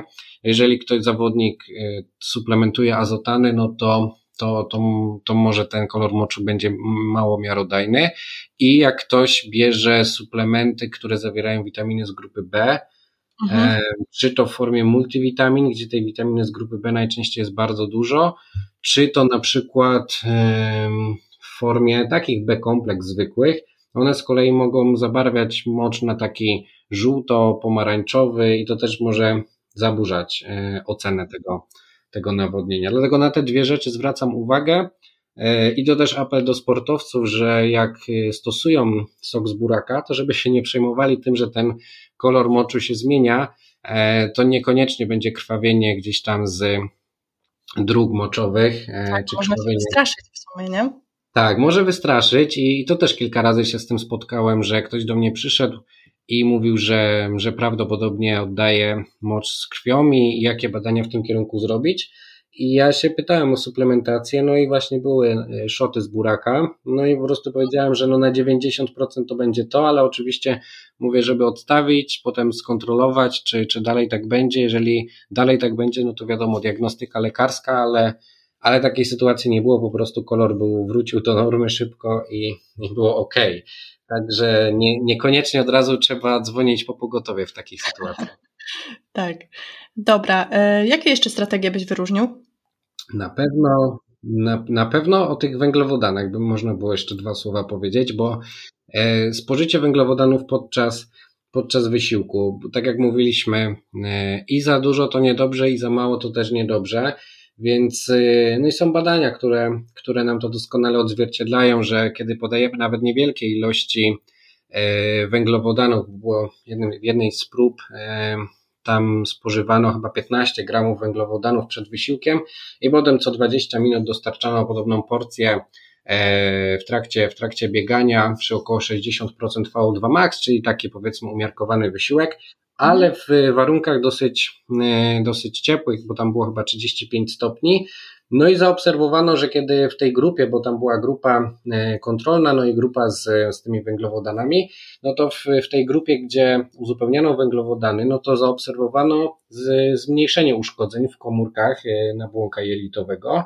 Również zaobserwowano, że zmniejszyła się przepuszczalność jelit, i y, zmniejszyła się też to przenikanie y, toksyn, endotoksyn i obniżenie poziomu stanu zapalnego. Także wydaje się, że y, taka przemyślana strategia stosowania węglowodanów w trakcie trwania wysiłku jest bardzo dobrym sposobem zapobiegania tych, tych dolegliwości. No ale tak jak mówiliśmy e, wcześniej, tutaj trzeba ten aspekt indywidualizacji uwzględnić. No i są osoby, mhm. które po prostu muszą się powoli przyzwyczajać do spożywania węglowodanów w trakcie trwania wysiłku i nie przesadzać z ilością, przynajmniej na samym początku, nie?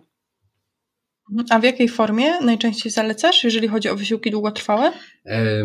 Jeżeli chodzi o wysiłki długotrwałe, to tu sobie pozwalam na trochę więcej, bo w takich wysiłkach krótkotrwałych to są głównie płyny i żele energetyczne, te izotoniczne. Mhm. Kiedy wysiłek trwa dłużej, to pozwalam sobie na e, węglowodany również w takiej formie stałej, czyli od bananów po batony energetyczne, ale w przypadku e, takich ultramaratonów, no to zdarza się również takie posiłki konwencjonalne, typu jakiś makaron na słodko, bądź ryż na słodko.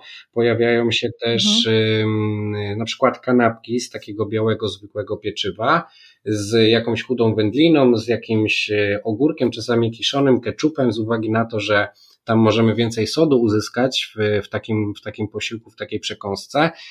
I, I tutaj mówię, tu nawet y, zdarzało się, że po prostu ktoś spaghetti sobie jadł z sosem takim bolońskim, klasycznym, ale to są, to są wysiłki, które trwają po prostu bardzo długo, e, ale, ale to też się sprawdza. To też jakby jako strategia jak najbardziej, no ale dla takich większości osób to będą żele energetyczne, banan, batony energetyczne, napoje izotoniczne, e, ewentualnie suszone owoce, ale tutaj zwracam uwagę na to, żeby Mm, też wcześniej sprawdzić, jak po tych suszonych owocach się czujemy, no bo one mimo wszystko mają trochę więcej błonnika i, i mogą te dolegliwości gdzieś tam nasilić.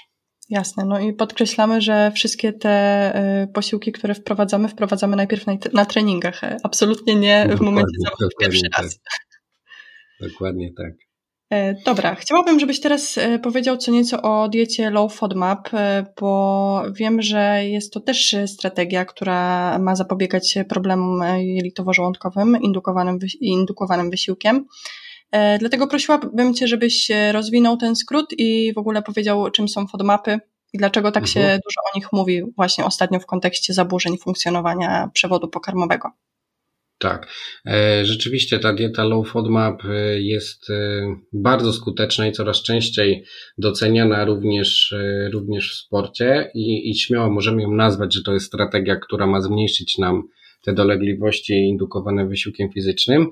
No ale rozwijając ten skrót, żeby wszyscy nas dobrze zrozumieli, to FODMAPy to są tak naprawdę fermentujące oligo di monosacharydy i poliole, tak jak e, właśnie ten, ten akronim byśmy rozwinęli. E, I jeżeli podam, może też podam przykład konkretnych, żeby e, większość mogła sobie uzmysłowić, gdzie tak. te FODMAPy się znajdują. Na przykład oligosacharydy to są zboża i tu najwięcej można powiedzieć o pszenicy, o fruktanach, które często są problematyczne w, w tym zbożu, ale też żyto, E, może być jęczmień w, stro, w strączkach, e, w warzywach strączkowych też jest sporo oligosacharydów. W warzywach, na przykład w czosnku, w cebuli, w porze, czyli w tych wszystkich cebulowatych, ale też znajdują się i w kalafiorze, w, w kopru włoskim, w rokuły mają całkiem sporo tych e, oligosacharydów. Więc to są takie produkty, które dosyć często w zdrowej diecie się pojawiają i często też w ogóle E, dieta, mm, znaczy często mylimy celiakię na przykład z IBS-em z uwagi na to, że ok, zauważyliśmy, że po zbożach czujemy się źle, ale to być może niekoniecznie jest celiakia, e, tylko właśnie na przykład nietolerancja fruktanów, które zawierają się w, w, tym, w tym zbożu, na przykład w pszenicy, i warto przed zrobieniem w ogóle tych y, badań, inaczej, inaczej, warto nie wykluczać glutenu tak bezmyślnie i potem sobie gdzieś w przyszłości robić badania, bo te badania po prostu będzie niemiarodajne, tylko jeżeli mamy, mamy podejrzenie, że że, że celiakie posiadamy, to warto najpierw zrobić badania, nie zmieniając diety i, i potem wyciągnąć wnioski. Czy to rzeczywiście było to, czy może jednak, e, czy może jednak IBS. No, SIBO, y, SIBO, albo SIBO, tak, bo to też kwestia y, objawów podobnych, więc może być i SIBO. Ale co jeszcze? Y, oligosacharydy mogą być disacharydy, disacharydy, czyli popularne dwucukry. I tutaj takim koronnym przykładem będzie laktoza, która, która występuje w nabiale. I większość osób, które już wyeliminują laktozę, które mają jakieś tam delikatne dolegliwości, czują się lepiej. Ta laktoza rzeczywiście w większości przypadków bywa problematyczna u osób, które jakieś tam objawy mają. Mówią statystyki, że w Polsce około 30% osób dorosłych może mieć nietolerancję laktozę, czyli jest to dosyć powszechne. Mhm. Na szczęście jakby zapobieganie temu jest bardzo proste, znaczy możemy kupić produkty bezlaktozowe, i, i je stosować jako zamiennik, e, jako alternatywę tych produktów nabiałowych, bo niektórzy niestety, ale wykluczają nabiał całkowicie. No i tracimy tak naprawdę fajną grupę produktów, całą, całą grupę produktów. E, tacy zawodnicy, a właściwie zawodniczki, bo często kobiety zmagają się z, z niedoborem wapnia w mhm. diecie.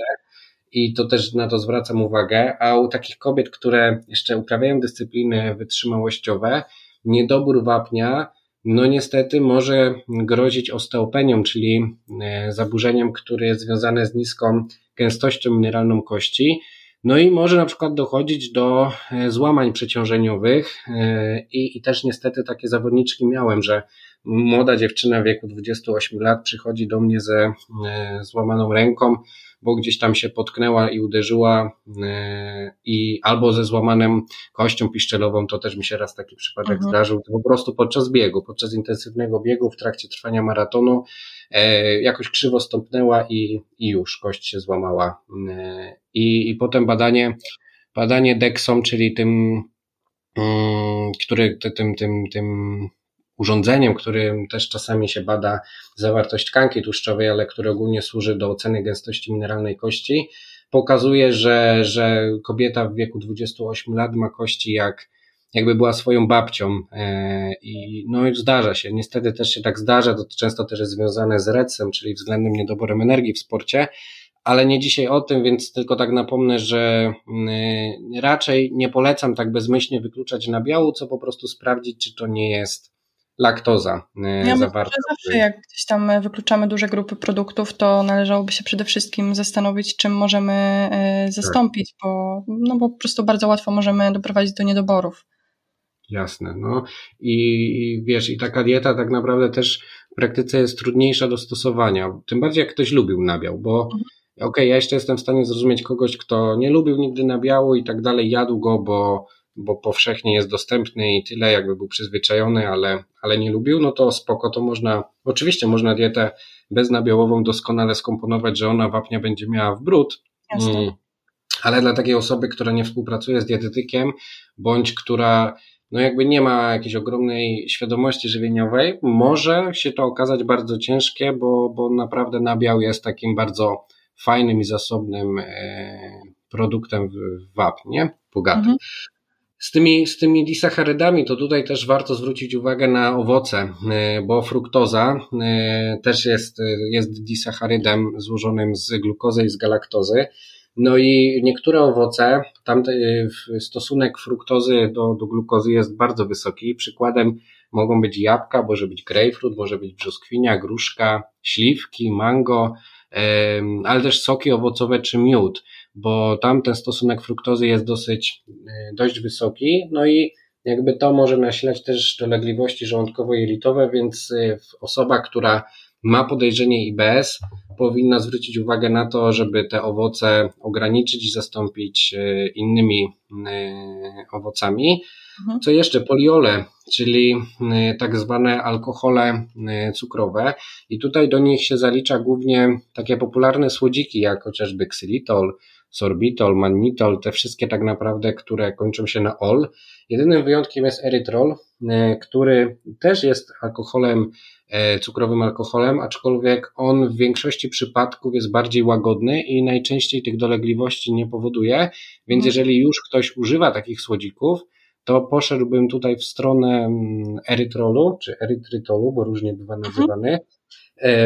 Żeby, żeby ewentualnie ten słodzik mm, używać. I tu też zwracam uwagę zawsze na gumy do rzucia, mm, bo często zawodnicy te gumy do rzucia jedzą, bo mówią, że to przed, przed zawodami w ogóle, bo to im pomaga jakoś sobie rozładować stres.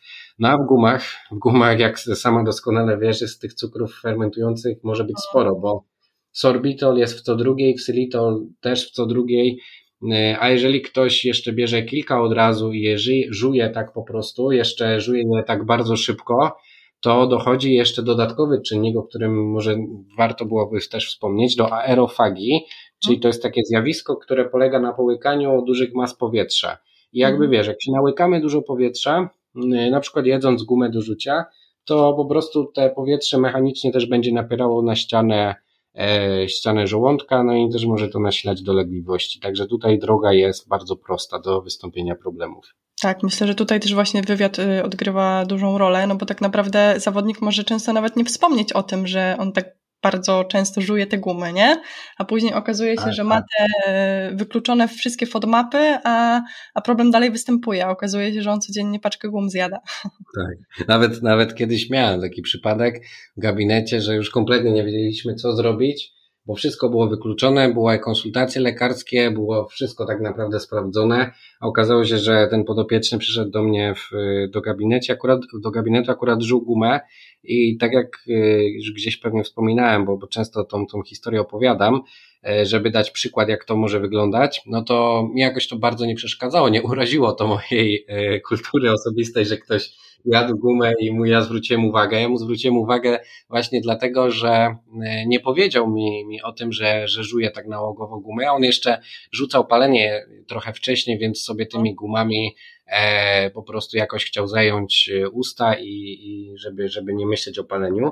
No i jadł ich, żuł ich bardzo dużo i tak naprawdę to był ten czynnik, po którym jak już to wy, wyeliminowaliśmy, no to objawy zniknęły i taka y, wesoła historia, ale wesoła, która w międzyczasie sprawiała wiele problemów zarówno mi, lekarzowi, jak i oczywiście głównemu zainteresowanemu, czyli temu podopiecznemu, no bo to on się męczył z tymi problemami, a, a tak naprawdę to, to był taki jego gwóźdź do trumny.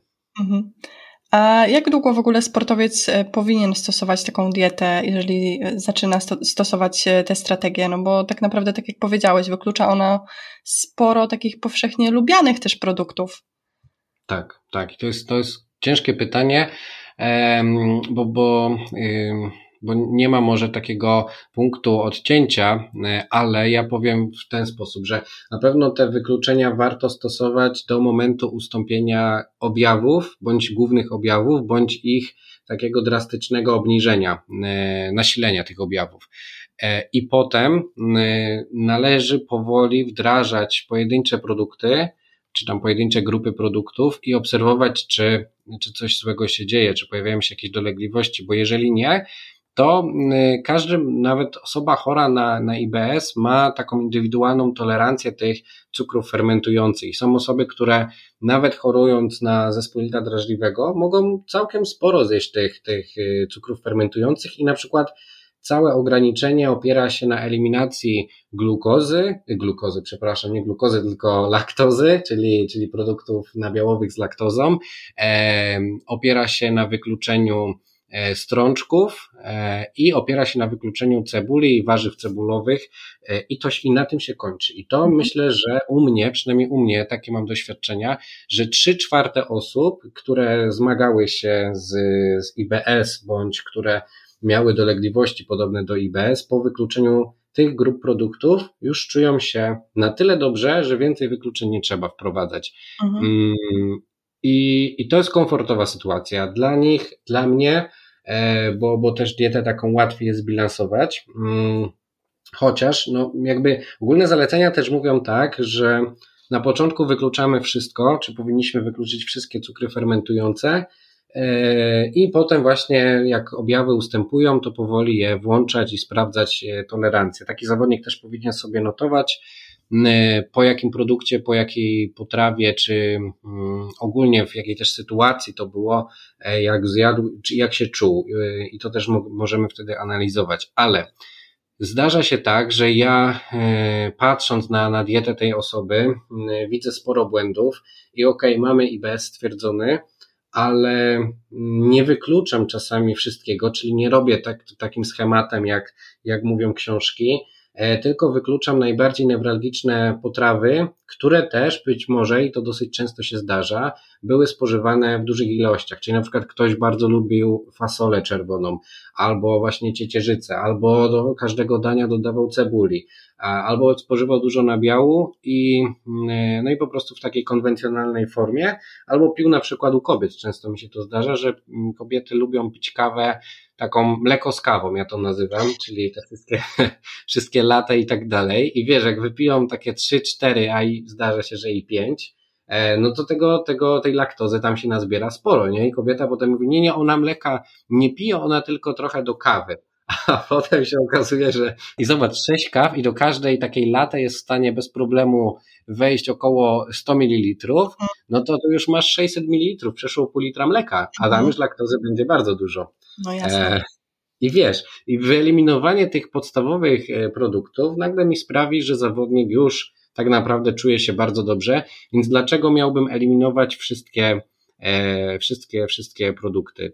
Mówię, że robię czasami tak, czasami tak, w zależności też od nasilenia objawów, ale jakby uznaję, że, że ta metoda, jeżeli mam pewność, że ta osoba mm, spożywa dużo FODMAPów i je trochę tylko ograniczę, mm, i, i to pomoże i mam jakby co do tego duże, e, duże nadzieje, to po prostu tak robię. Jeżeli widzę, że osoba na co dzień nie jadła dużo FODMAPów, E, i te dolegliwości pojawiają się tak w sposób taki bardzo niespecyficzny e, codziennie, to, to wtedy rzeczywiście wykluczam wszystko i potem robię tak książkowo. Nie? Także moim zdaniem jedna i druga metoda jest dobra, przynajmniej w mojej praktyce się sprawdza. Mhm. A jak jest później e, z powrotem do tej naszej normalnej diety? Czy wprowadzamy produkty z wysokimi FODMAPami stopniowo, czy, czy od razu? To stopniowo. Na pewno stopniowo i na pewno dojdzie się do takiej granicy, gdzie trzeba uważać, że ok, w tygodniu można sobie zjeść trochę strączków, na przykład w formie e, w formie takiej mm, konserwowej, czyli na przykład fasola czerwona z puszki mhm. i tak dalej, cieciorka z puszki, czy tam ze słoika, bo one będą bardziej znośne dla, dla przewodu pokarmowego. Niektóre owoce, które też może mają więcej tych e, cukrów fermentujących, możemy próbować, ale w każdym razie dojdziemy do pewnej granicy, gdzie jak ją przekroczymy, przekroczymy czyli na przykład spożyjemy jeszcze dodatkową ilość laktozy, bo zjedliśmy jakieś lody na mieście, to mogą te dolegliwości się pojawić, mhm. więc tutaj już jest taki bardzo indywidualny czynnik. E, na pewno taka osoba z IBS-em nie będzie mogła jeść e, tyle cukrów fermentujących, co, e, co taka osoba w mhm. pełni zdrowa, mm, ale to też nie znaczy, że ta dieta będzie niepełnowartościowa, czy, czy ta dieta będzie ciężka w realizacji. Po prostu może trzeba się przyzwyczaić, że ok, nabiał kupujemy bez laktozy, strączki jemy raz, dwa razy w tygodniu i to w formie takiej konserwowej. E, może nie musimy jeść cebuli, nie musimy jeść czosnku, bez tych przypraw czy warzyw można się jakoś obyć i, i tak naprawdę. No nie wiem, czy można. No nie wiesz, okej. Okay. No, e, więc to różnie to bywa. E, czasami, o widzisz, to, to, to, to też fajną anegdotę powiem. Ja na przykład jak mm, mam zawodników, którzy no mają albo nietolerancję laktozy, albo SIBO, E, albo właśnie takie dolegliwości odczuwają i jadą sobie gdzieś na wakacje. Mm, mhm. No i wiadomo, że no tam ciężko dostać, w wielu krajach ciężko dostać produkty bez laktozy, albo po prostu no jak lody zjemy, no to lody najczęściej nie będą z mleka bez laktozy.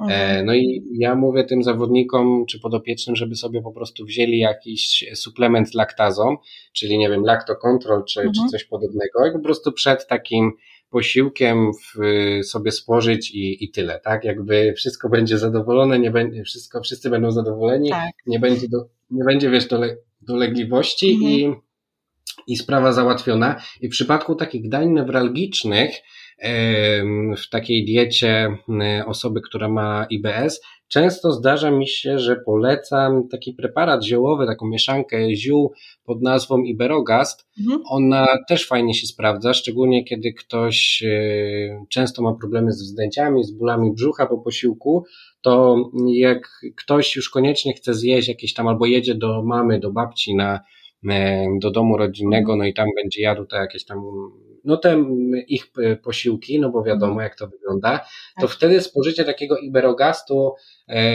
20-30 kropel, tak jak tam zaleca producent na, na takie pół godzinki przed e, posiłkiem też może nam przynieść sporo ulgi, no i może okazać się to takim remedium na te problemy, tak, takim doraźnym, bo to też nie chodzi o to, żeby stosować to tak, tak o, bez, bezmyślnie, tylko po prostu na takie sytuacje, kiedy wiemy, że być może będzie ciężko utrzymać ten, ten reżim dietetyczny, to wtedy się to całkiem fajnie sprawdza. Tak, no raczej, raczej nie codziennie i nie do każdego posiłku, co nie? Tak, tak, tak, żeby, żeby jednak, to tak samo jest y, jak z takimi herbatami, które mają działanie przeczyszczające. Mhm. Y, osoby, które ich nadużywają, to mogą po prostu mieć problem potem, żeby się wypróżniać y, bez, bez tych herbat. Mogą się w cudzysłowie uzależnić od, od tego typu herbat. No i to też nie jest dobre, nie? Że, że jednak by organizm też musi musi być poddawany niektórym obciążeniom, e, żeby dobrze funkcjonował. Mhm. I tutaj też jedna rzecz mi się od razu nasunęła, no bo wiesz, produkty, które mają sporo cukrów fermentujących, jedne, że, jedno, że one są zdrowe, często po prostu są zdrowe, ogólnie mówiąc zdrowe, chociaż nie lubię tego określenia. Mhm E, a po drugie, one też mają sporo substancji prebiotycznych, które, e, które odżywiają te nasze e, jelita, naszą mikrobiotę jelitową. Stąd, jeżeli wykluczymy całkowicie te, tego typu rzeczy, to po prostu nasza mikrobiota jelitowa będzie mniej różnorodna, a co za tym idzie, być może to też będzie rzutowało na naszą odporność i na nasze ogólne samopoczucie. Także to też warto wziąć pod uwagę, żeby tak bezmyślnie nie wyrzucać wszystkiego. Jasne, że tak. Wszystko z, w granicach rozsądku. E, tak. Dobra, przejdźmy do treningu jelita. Powiedz proszę, czym jest, po co się go robi i co konkretnie e, zmienia tak na poziomie fizjologicznym, że te problemy jelitowe, żołądkowe często mhm. mijają. Dlaczego tak to działa? No, super, że, że o to też zapytałaś, bo o tym treningu jelita mówi się coraz e, częściej, coraz więcej. Od, od kilku lat tak naprawdę się zaczęło o tym więcej mówić.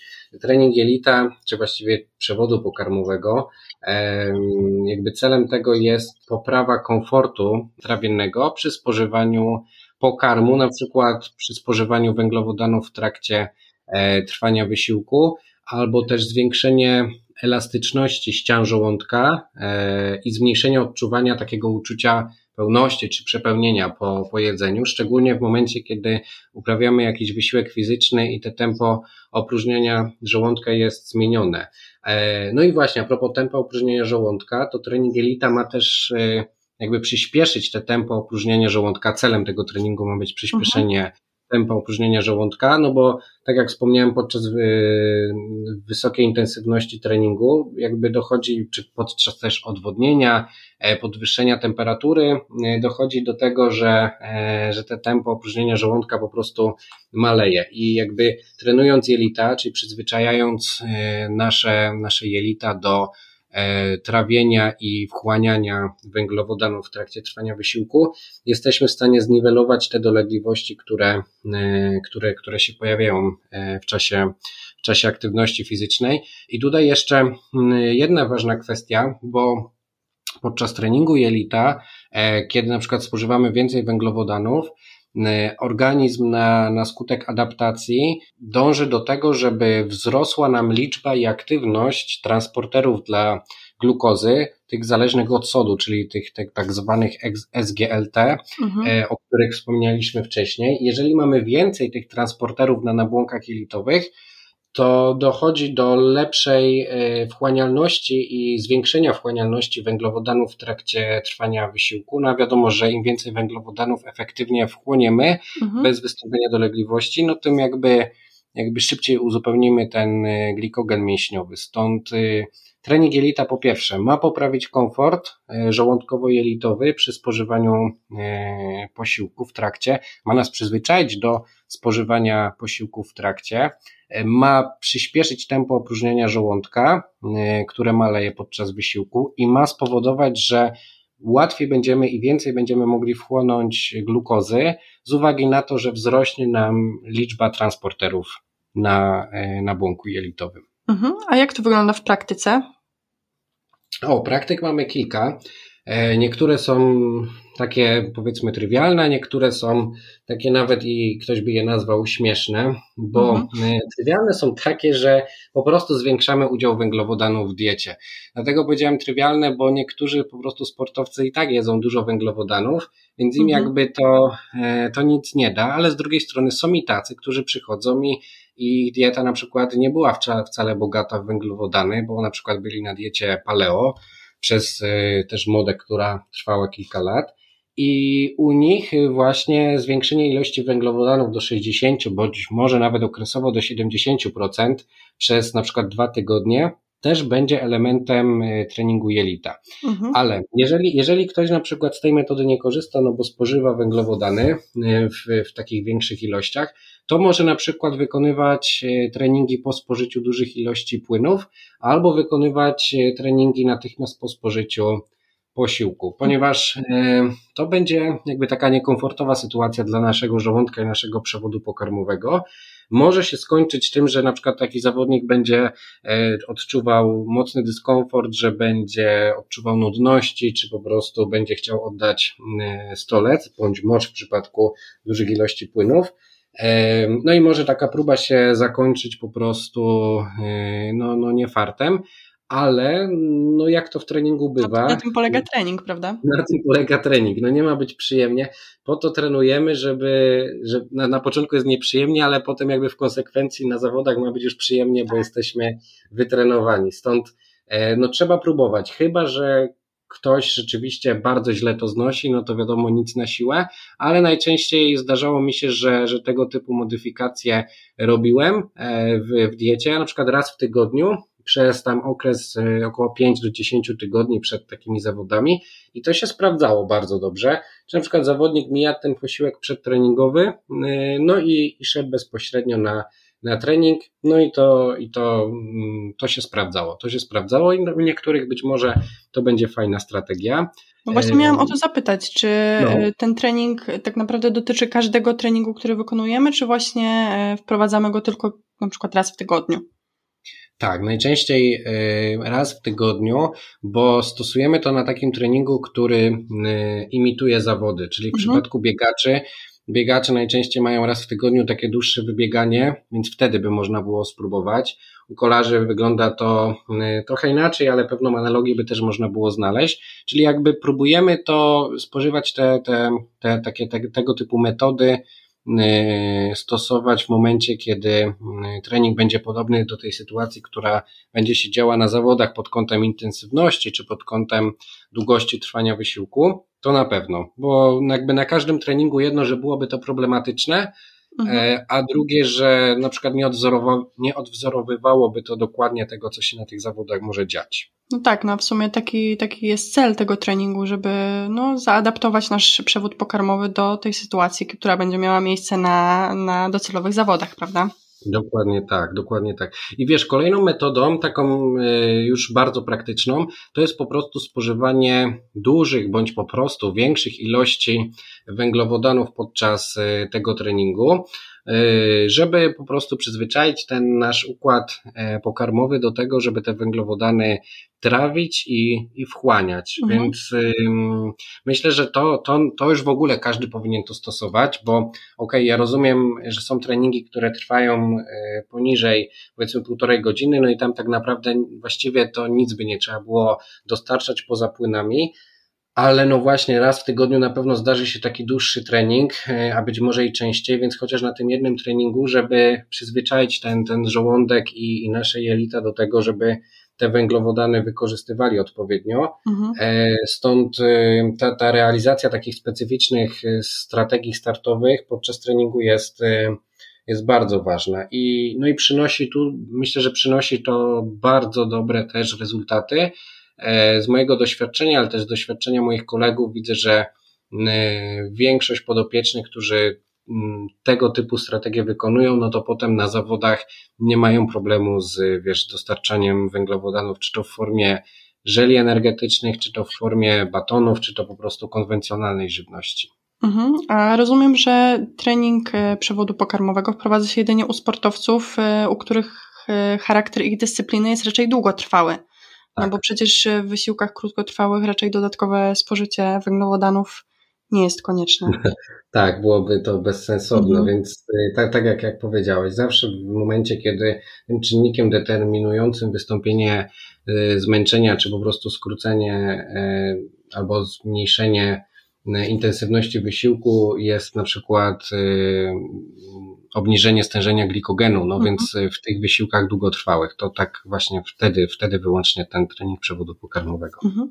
Okej, okay. E, na koniec chciałabym Cię jeszcze zapytać o suplementację. Czy wiemy coś e, na temat konkretnych grup suplementów, które tak realnie wpływają na polepszenie funkcjonowania przewodu pokarmowego? Wiesz to coś, coś wiemy, ale tak naprawdę e, może tutaj wiele osób e, rozczaruje, bo więcej jest niewiadomych albo więcej albo wiemy, że wiele suplementów nie działa. E, omówię może kilka suplementów, które rzeczywiście jakiś swój potencjał mają, mhm. Aczkolwiek tutaj od razu uprzedzę, żeby dużych nadziei sobie nie robić. Można się spotkać z tym, że rzeczywiście suplementacja antyoksydantami, czyli substancjami o charakterze e, przeciwzapalnym, antyoksydacyjnym, może, e, może zapobiec dalszemu uszkodzeniu nabłonka jelitowego i złagodzić właśnie występowanie tej endotoksemii, która mhm. z kolei może być spowodowana y, tym, tym wysiłkiem fizycznym, jakby e, zwiększeniem przepuszczalności y, błony, bariery jelitowej, przepraszam. I były takie badania, które, które uwzględniały suplementację na przykład e, jednym gramem witaminy C przed takim testem wysiłkowym. E, no i rzeczywiście minimalnie wpływało to na takie zjawisko, znaczy wpływało to na to, że, że tej, ta endotoksemia była mniej nasilona, E, aczkolwiek jakby większość dowodów jest ograniczone, e, ograniczonych. Można próbować wdrożyć taką suplementację antyoksydantami, czy to w formie witaminy C, czy to w formie witaminy E, aczkolwiek ja tutaj uważam, szczególnie w okresie przygotowawczym, ponieważ substancje przeciw e, antyoksydacyjne, przeciwutleniacze mogą też zaburzać występowanie adaptacji wysiłkowej, no bo jakby adaptacja jest związana ze stanem zapalnym. Jeżeli my ten stan zapalny będziemy zmniejszali, no to ta adaptacja może być gorsza i po prostu możemy mieć mniejsze e, rezultaty z tego treningu. W momencie, kiedy mamy na przykład jakiś obóz, bezpośrednie przygotowanie startowe albo w trakcie, w trakcie kalendarza zawodów, możemy się pokusić, żeby te antyoksydanty gdzieś tam dorzucić. Nie tylko, może też być kwercetyna, może być kurkumina, jakby są różne e, rodzaje antyoksydantów, nie tylko witamina C i witamina E. e.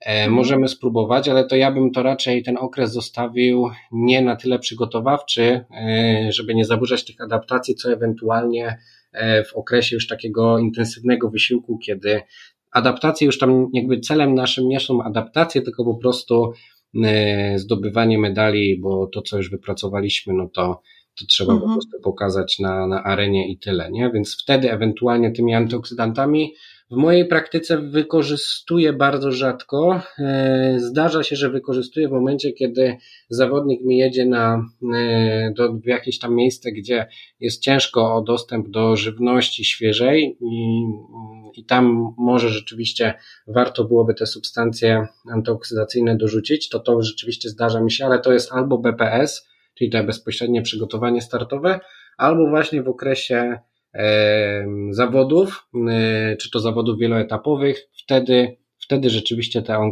antyoksydanty zdarza mi się, że wrzucam. E, to na mhm. pewno. Co jeszcze? No, można powiedzieć o cytrulinie, która teraz e, też jest znana albo znana już była, ale teraz trochę przenikła do kręgu fitness, bo cytrulina jest prekursorem do produkcji tlenku azotu, a z kolei tlenek azotu jest takim silnym, silną substancją, która nam rozszerza naczynia krwionośne i no, zwiększa e, przepływ krwi. No i też może zwiększać przepływ krwi do naszego mikrokrążenia jelitowego, przez co e, wpływa to na tą hipoperfuzję, zmniejsza ją e, w trakcie trwania wysiłku i przy czym jakby zmniejsza też te, te niedokrwienie tych narządów wewnętrznych, no i mhm. rzeczywiście jest tu potencjał w, w, tej, w tej substancji. Można byłoby spróbować. Dawkowanie to tutaj od 6 do 10 gramów przed, przed takim wysiłkiem, na około godzinę przed wysiłkiem. Yy, I, i są, są pewne badania, które, które sprawdzały to właśnie na kolarzach, jak tak, na kolarzach na pewno, przy takim wysiłku umiarkowanym do wysokiego. I rzeczywiście cytrulina tam stosowana w dawce 10 gramów e, osłabiała zjawisko tego niedokrwienia i uszkodzenia nabłonka jelitowego. E, no, ale, ale jakby wyniki z tych, z tych badań nie są też do końca jednoznaczne, czyli można byłoby to spróbować, e, tej substancji, aczkolwiek nie powiem, że to jest taka, taka jakby złoty środek na te, mhm na te problemy żołądkowo-jelitowe, ale tu rzeczywiście z tą cytruliną e, może poczekamy na więcej, więcej badań, jak będę miał więcej, mhm. jakbym miał więcej jakby jakichś doniesień naukowych e, z grupami kontrolnymi, to pewnie bym się jeszcze bardziej chętniej wypowiadał o tej substancji, aczkolwiek teraz powiem, że warto na to zwrócić uwagę. Okay. Glutamina. Glutamina. Glutamina też jest dosyć ciekawym suplementem, który akurat w zaburzeniach żołądkowo-jelitowych był już wykorzystywany właściwie od ładnych paru lat, e, bo e, glutamina wpływa na zwiększenie produkcji takich białek, e, które są nazywane białkami szoku cieplnego. I te, te białka jakby wprost chronią błonę komórkową w okresie stresu oksydacyjnego i może to potencjalnie chronić enterocyty, czyli te komórki, które są odpowiedzialne za wchłanianie składników odżywczych, no i zmniejszać przepuszczalność e, jelit, przez co też to może osłabiać e, rozwój miejscowych stanów zapalnych. No jest to mm, dosyć e, logiczny mechanizm i, i może to działać. I rzeczywiście takie dawki mm, około 0,9 mg na kilogram, ale bez tłuszczowej masy ciała przez mhm. okres tygodnia spowodowały, że wykazywano zmniejszenie przepuszczalności jelitowej, właśnie prawdopodobnie w wyniku tego, że zwiększyła się ta ekspresja białek szoku cieplnego. No i może to też być substancja, która ma swój y, taki potencjał, ale podobnie jak z cytruliną, jakby brakuje mi tu takich takich, wiesz, dowodów niepodważalnych, no. które, które mógłbym, e, dzięki temu mógłbym właśnie jakoś pewnie się mm, tak.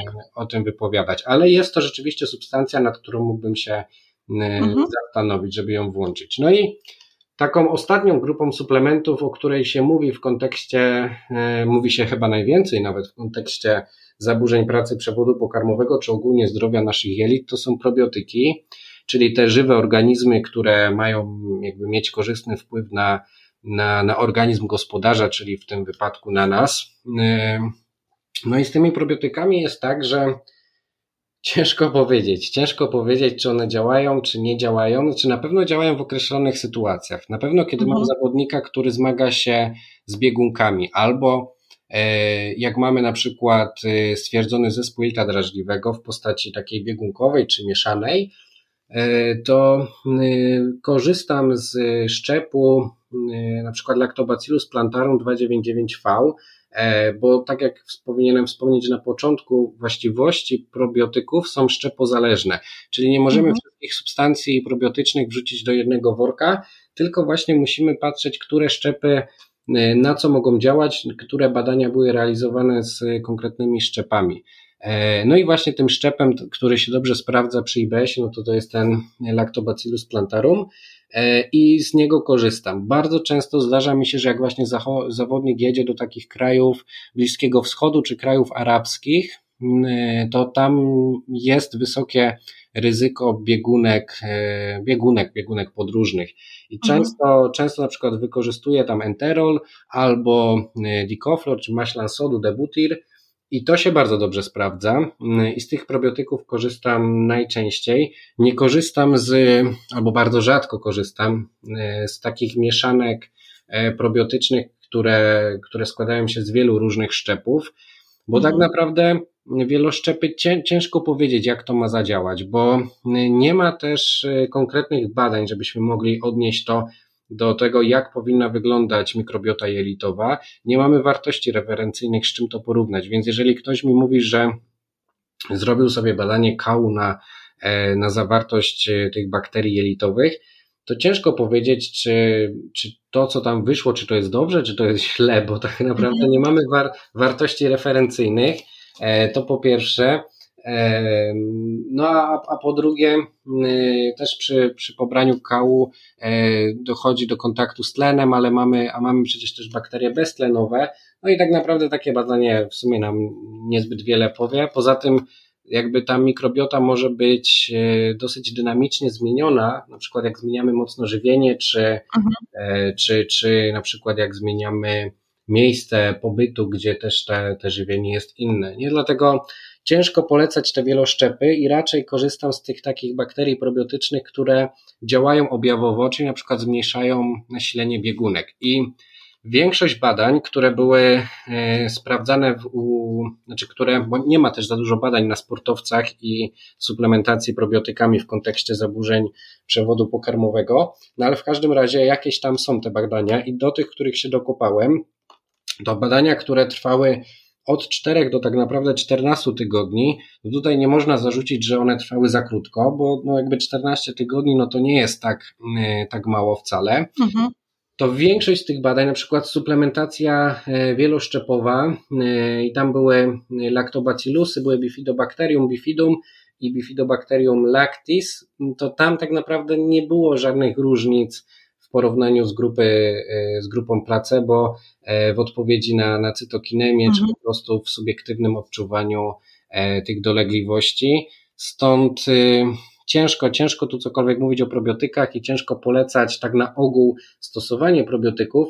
Raczej bym się skupił na tym, na tych konkretnych szczepach, które mogą chociażby działać przeciwbiegunkowo. No i oczywiście przy stosowaniu z antybiotykoterapią, bo to też jest ogromnie ważne, nie? że wtedy, wtedy to jest czas, żeby te antybiotyki i w trakcie, i po e, antybiotykach e, uzupełniać. Ale tak, dla ogółu na pewno bym nie polecał, żeby każdy musiał stosować probiotyki, bo z probiotykami może być też taka sytuacja, że e, sami rozregulujemy tą naszą naturalną mikrobiotę jelitową, bo być może nie było żadnego problemu z naszymi jelitami, a ktoś sobie stosował wieloszczepy i tak dalej i tak naprawdę zmienił na przykład stosunek, nie wiem, lactobacillus do bifidobakterium i się okazuje, że zmienił na swoją niekorzyść i teoretycznie mhm. wtedy mogą się pojawić jakieś dolegliwości. Stąd, y, no wiesz, może być tak z deszczu pod rynnę i ja raczej podchodzę tak bardzo ostrożnie. Widzę jakby potencjał w probiotykach, ale w konkretnych przypadkach. Był, e, mam wrażenie, jakiś czas temu taki e, hype właśnie na probiotyki i tak mam wrażenie, że dużo osób e, stosowało sobie tak po prostu profilaktycznie, że tak, tak powiem, nie? Tak, tak. Na wszystko były dobre probiotyki. Tak. Dobra, myślę, że w sumie substancje, które wymieniłeś, no, tak jak mówisz, trzeba do nich podchodzić e, z taką pewną dozą niepewności. E, także myślę, że tutaj przede wszystkim te strategie, o których e, wcześniej wspominałeś, przede wszystkim, a dopiero później te suplementy. Zgadzasz się? Tak, na pewno, w 100% się z Tobą zgadzam. Dobrze, Łukasz. Ja myślę, że już zakończymy na tym naszą krótką pogawędkę. Miło ja się rozmawiało, czas, czas, czas dobrze płynie, jak się ma o czym rozmawiać. Tak, dokładnie. Bardzo Ci dziękuję za, za poświęcony czas i jestem pewna, że sportowcy nas słuchający wyciągną sobie z tej rozmowy bardzo dużo. E, no i co? Dziękuję Ci jeszcze raz i mam nadzieję, że w przyszłości dasz się namówić na, e, na być może kolejny odcinek. Oczywiście. Ja również dziękuję za zaproszenie. Było mi bardzo miło. Dziękuję Ci bardzo. Cześć. Cześć, do usłyszenia.